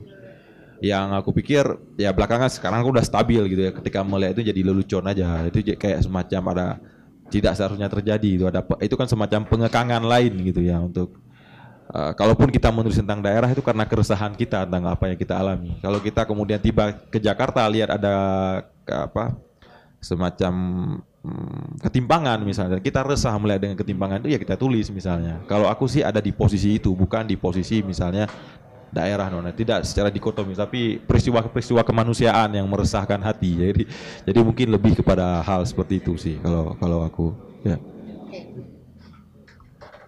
Aku ya. Boleh, boleh, boleh. Ya, eh, ka- kalau aku sih mungkin hampir sama ya, toh ya, dengan kamu dan Barjan juga gitu. Eh, kalau beban eh, apa ya, siapa yang berhak misalnya? Kalau Jakarta mungkin agak terbebas dari itu. Aku pikir siapa pun boleh boleh dan mungkin akan agak merasa be- bebas dan leluasa menulis tentang Jakarta ya ketika dia datang tapi eh, dia akan ada beban ketika datang ke daerah lain dan berupaya menuliskan eh, daerah lain itu butuh butuh eh, intensi yang berbeda butuh butuh butuh butuh sumber daya yang eh, yang berbeda yang cukup untuk menuliskan kalau Jakarta eh, ya eh, beban-beban itu nggak ada. Cuman aku merasa beban lain ya, kayak ya beban persoalan macam-macam lah eh, yang yang yang tampak eh, dari lingkungan eh, di Jakarta ini termasuk eh, beban-beban diri sendiri ketika menghadapi Jakarta itu yang kemudian eh, mesti aku merasa mesti dituliskan gitu ya. Mungkin hampir sama ya dengan konsepnya Barjan juga ya. Ada semacam beban yang yang yang kemudian aku rasa itu mesti dituliskan gitu eh itu sih dan dan dan dan yang terpenting menurutku itu bahwa ya ya aku juga juga berhak menulis setelah tujuh tahun ya. Ya enam atau tujuh tahun lah gitu. Eh, menulis da, yang sesuatu yang menurut aku itu mungkin sangat berbeda dan dan dan dan dan dan kadang-kadang eh, eh, aneh ya. Aku merasa aneh misalnya terhadap suatu peristiwa-peristiwa misalnya di Jakarta yang berbeda sekali dengan peristiwa-peristiwa yang kulihat dengan dengan dengan di Padang misalnya gitu. Tapi ya aku pernah menulis satu sajak eh, tentang itu sih. Misalnya eh, eh, kayak gini liriknya itu kalau nggak salah eh, aku mencintai kota ini seperti aku mencintai eh, kota di pedalaman Sumatera misalnya seperti itu. Dalam artian eh, ya ya untuk menulisnya aku mesti masuk meskipun beban itu ada gitu. Tapi aku harus- aku mesti berusaha untuk mencintai kota ini ya karena kata Beto tadi makan berak ngapain udah di sini gitu. Bahkan ngirim duit pun dari duitnya duit dari Jakarta atau gitu. Ngirim duit pulangnya dari Jakarta. Ya mesti beban berat itu mesti mesti mesti tetap dicintai gitu gitu loh. Jadi ada beban tapi mesti dicintai gitu. Oke, Barjan mungkin gimana? Eh, tadi pertanyaan bagus soal beban-beban ini gitu. Eh, mungkin karena ak- umurku kan ketika masih di Bogor itu kan umur usia-usia sekolah ya. Jadi mungkin kalau aku sih dari soal segi kematangan kali ya. Jadi apa ya? Aku di Jakarta tuh ketika sudah masuk usia dewasa dan juga sudah matang gitu. Dan sudah dibebankan kewajiban untuk mencari nafkah, eh, pekerjaan tetap gitu Ya. sih. Jadi mungkin itulah mengapa tadi kata Adip juga bilang kalau di nulis tentang Bogor ya cuma bisa tentang keluarga ya masa kecil gitu aja gitu karena yang benar-benar aku merasa hidup benar-benar aku bisa ngerasa merasakan apa istilahnya kekurangan ajaran hidup ya itu ketika di Jakarta gitu Hmm, dengan hmm. usia yang mungkin sudah matang seperti ini dan jadi aku nggak punya beban apa-apa gitu dan bukan berarti aku jadi apa istilahnya meremehkan Bogor gitu tidak gitu karena aku merasa itu tadi lebih enak di Jakarta untuk eh, apa namanya menuangkan keakuanku gitu. Ha. Ini mungkin kita udah dua jam lebih nih Gus. Oh iya sih, Heeh. lumayan nih. Tidak Tidak terasa terasa. selalu. Heeh. Mungkin belum banyak ya yang kita gali dari buku ini eh, dengan waktu dua jam. Eh, tapi ini mungkin pertanyaan terakhir dari gue. Terus setelah itu mungkin Barjan bisa baca puisi lah ya. Baca puisi. Eh, pertanyaan terakhir gue karena kebetulan gue nemu ada satu puisi pendek yang eh, reverse-nya ke filmnya Wong Kar Wai. Oh oke oke. In the Mood for Love ya kalau nggak Hmm. salah ya. For Love, ya. Ada di situ. Nah, pertanyaan terakhir yang sangat sederhana. Kalau mau menggambarkan Jakarta, Jakarta ini film apa gitu? Atau film dari sutradara siapa gitu? Oke. Setelah lu jawab itu langsung baca puisi ya. Oke oke. Sip. Ter- eh, Sebelum itu gua tutup dulu karena penutup paling terakhir adalah pembacaan puisi dari Barjan. Lalu setelah itu eh, Torus akan menutup. Terima kasih teman-teman eh, yang udah datang ke titik dua. Eh, Om Putra, Bang Esa, Afrizal Nolmana, Mbak Siska, gue lupa. Aduh, Adip jelek Gilang. Eh, Siapa? Maaf. Adip. Siapa? Siapa? Wanda, terima kasih udah mampir. Barjan, makasih banget. Terima kasih Eh, sudah apa, diundang. Mau menerima undangan kami yang Iya. eh, se- seperti biasa titik dua selalu tiba-tiba ya. Kaget loh mendadak banget tuh ini benar-benar dadakan. Jadi, Karena gue biasanya suka kayak Hmm. kalaupun tiba-tiba kalau ketemu baru eh minggu depan ya misalnya kayak Iya, gitu. iya. Kalau enggak kayak cari-cari gitu loh. Iya, Ini iya, Siapa iya, nih iya, yang iya. lagi buku baru nih gitu-gitu terus gue nemu dan Hmm. langsung wah kontak deh. Tapi gue suka sih yang spontan-spontan gitu. Oke siap. Lebih berkesan. Terakhir itu tadi Jakarta nih film apa? Oke. Terus kenapa? Kenapa film itu yang lu pilih dan setelah itu uh, kami minta untuk membaca puisi. Makasih sampai ketemu di titik dua minggu depan. Oke, eh, Jakarta itu adalah film-film dari apa ya? Gue mencoba meromantisasi kota jelek ini ya. Oke, mungkin filmnya film-filmnya Agnes Varda ketika dia menggambarkan eh, jalan-jalan di eh, Perancis di Paris Montparnasse kayak gitu. Aku suka Aha. banget sih. Aku selalu membayangkan Jakarta tuh bisa se aku tahu Jakarta nggak akan Hmm. bisa secantik itu tentu gitu. Tapi aku selalu kalau lagi aku selalu membayangkan Jakarta sebagai walk, walkable city gitu. S- eh, seperti di situ di film-filmnya Agnes Varda. Itu sih paling, itu aja sih. Oke. Aku selalu karena aku suka banget jalan kaki di Senayan itu kenapa? Oh, karena ya oh, itu oh. tadi. Aku selalu membayangkan Senayan adalah Paris. Jauh banget ya. kan bisa jalan kaki dengan sang Nah, Rawamangun apa? Rawamangun apa ya? Raw apa ya? Lebih Bronx gitu kan? Apa? Oke. Oh iya iya. Oh, Ah, Iya iya. Iya iya iya iya benar benar benar benar lo benar benar. Pulau Mas, eh, Pulau Gadung, boh, Boleh. nanya deh. Oke sip, silakan Warjan. Mungkin puisi Boleh baca ini karena pendek-pendek boleh nggak baca tiga? Boleh boleh boleh boleh. Boleh ya? Heeh. Oke, kucing-kucing di bendungan hilir. Aku memberi makan kucing-kucing ceking di suatu jalan kecil di bendungan hilir. Mereka mengunyahnya seperti berkawan dengan seribu tahun kelaparan. Sebagai utang budi, setiap kucing menceritakan kabar teranyar tentangmu. Kamu sudah jarang melalui rute jalan ini untuk pulang kantor. Kamu telah bersuka cita dengan kekasih baru yang manis. Kamu menulis artikel penting tentang derita rakyat yang terpinggirkan di musim pagebluk dan mendapat sanjungan tak berkesudahan dari teman-teman wartawan. Kamu lebih suka gagasan memanen angka-angka di buku tabungan ketimbang menulis sajak. Kamu berhenti mengintip keseharianku di media sosial dan mengubur setiap majalah yang mencetak namaku.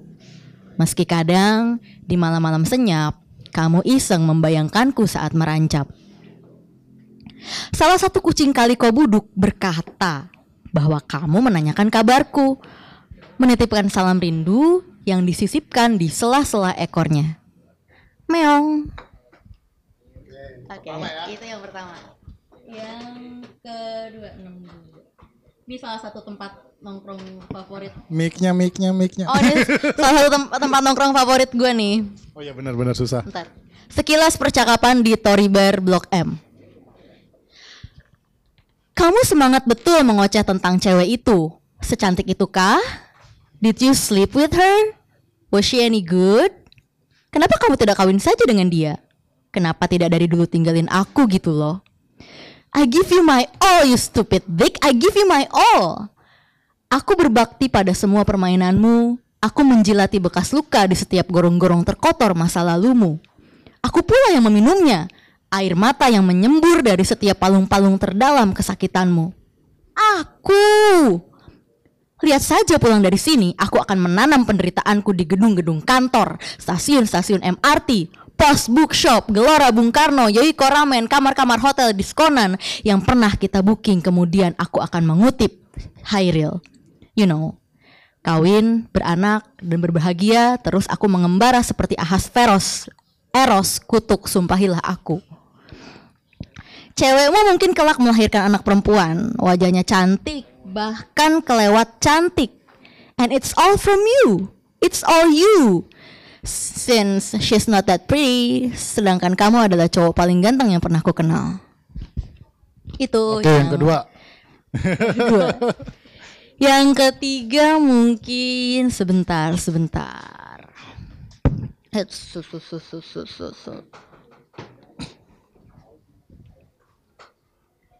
Nah ini nih, ini orangnya benci banget kalau gue baca puisi ini. Kayaknya dari tadi ini ya. Di selatan Jakarta. Aku cuma mengecupmu satu kali. Satu kali lalu namamu nemplok di setiap papan nama toko bunga yang kujumpai di selatan. Di bar dan resto Jepangan Little Tokyo, di terminal bus, di creative space penuh pretensi warga ibu kota yang berbudaya luhur. Aku mencium wangi parfummu membaur dengan abu asbak kedai kopi fancy yang takkan kukunjungi dua kali. Aku temukan suaramu nyelip dalam klakson yang sahut-sahutan di kemacetan jaksel yang bangsat dalam berisik lagu pengiring ondel-ondel. Kepalaku menyusun daftar lagu dan memutarnya untuk teman perjalanan pulang. Adalah lagu melankolis favoritmu On Repeat, The Jesus and Mary Chain, Sometimes Always Semua penumpang di MRT mendadak mengenakan wajahmu Begitu pula penjaga kasir di Circle K dan penjaga laundry langgananku Kucing-kucing jalanan krempeng yang kuberi makan menggodaku Mengeong-eongkan namamu Sial, aku cuma mengecupmu satu kali dan kukira itu bukan perkara besar Oke, thank you Memang pil seperti pil macam pil walau pil hanya pil hampir sekedar pil ya atau pil. Titik dua. Segalanya tentang sasa. Nah, ini ada puisi. Dalam puisi ini ada bunyi. Kecapi atau cemeti itu tak penting. Dalam puisi ini juga ada bau. Bau ubi bakar atau babi panggang. Itu juga tak penting. Titik dua. Segalanya tentang sasa. Dan di langit dua tiga cukong mengangkang berak di atas kepala mereka. Titik dua. Segalanya tentang sasa. Ruru Radio.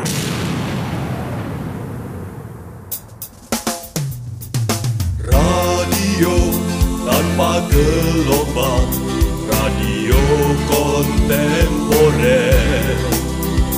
Hijauan guru menyapa hari, oh indahnya. Ruru Radio.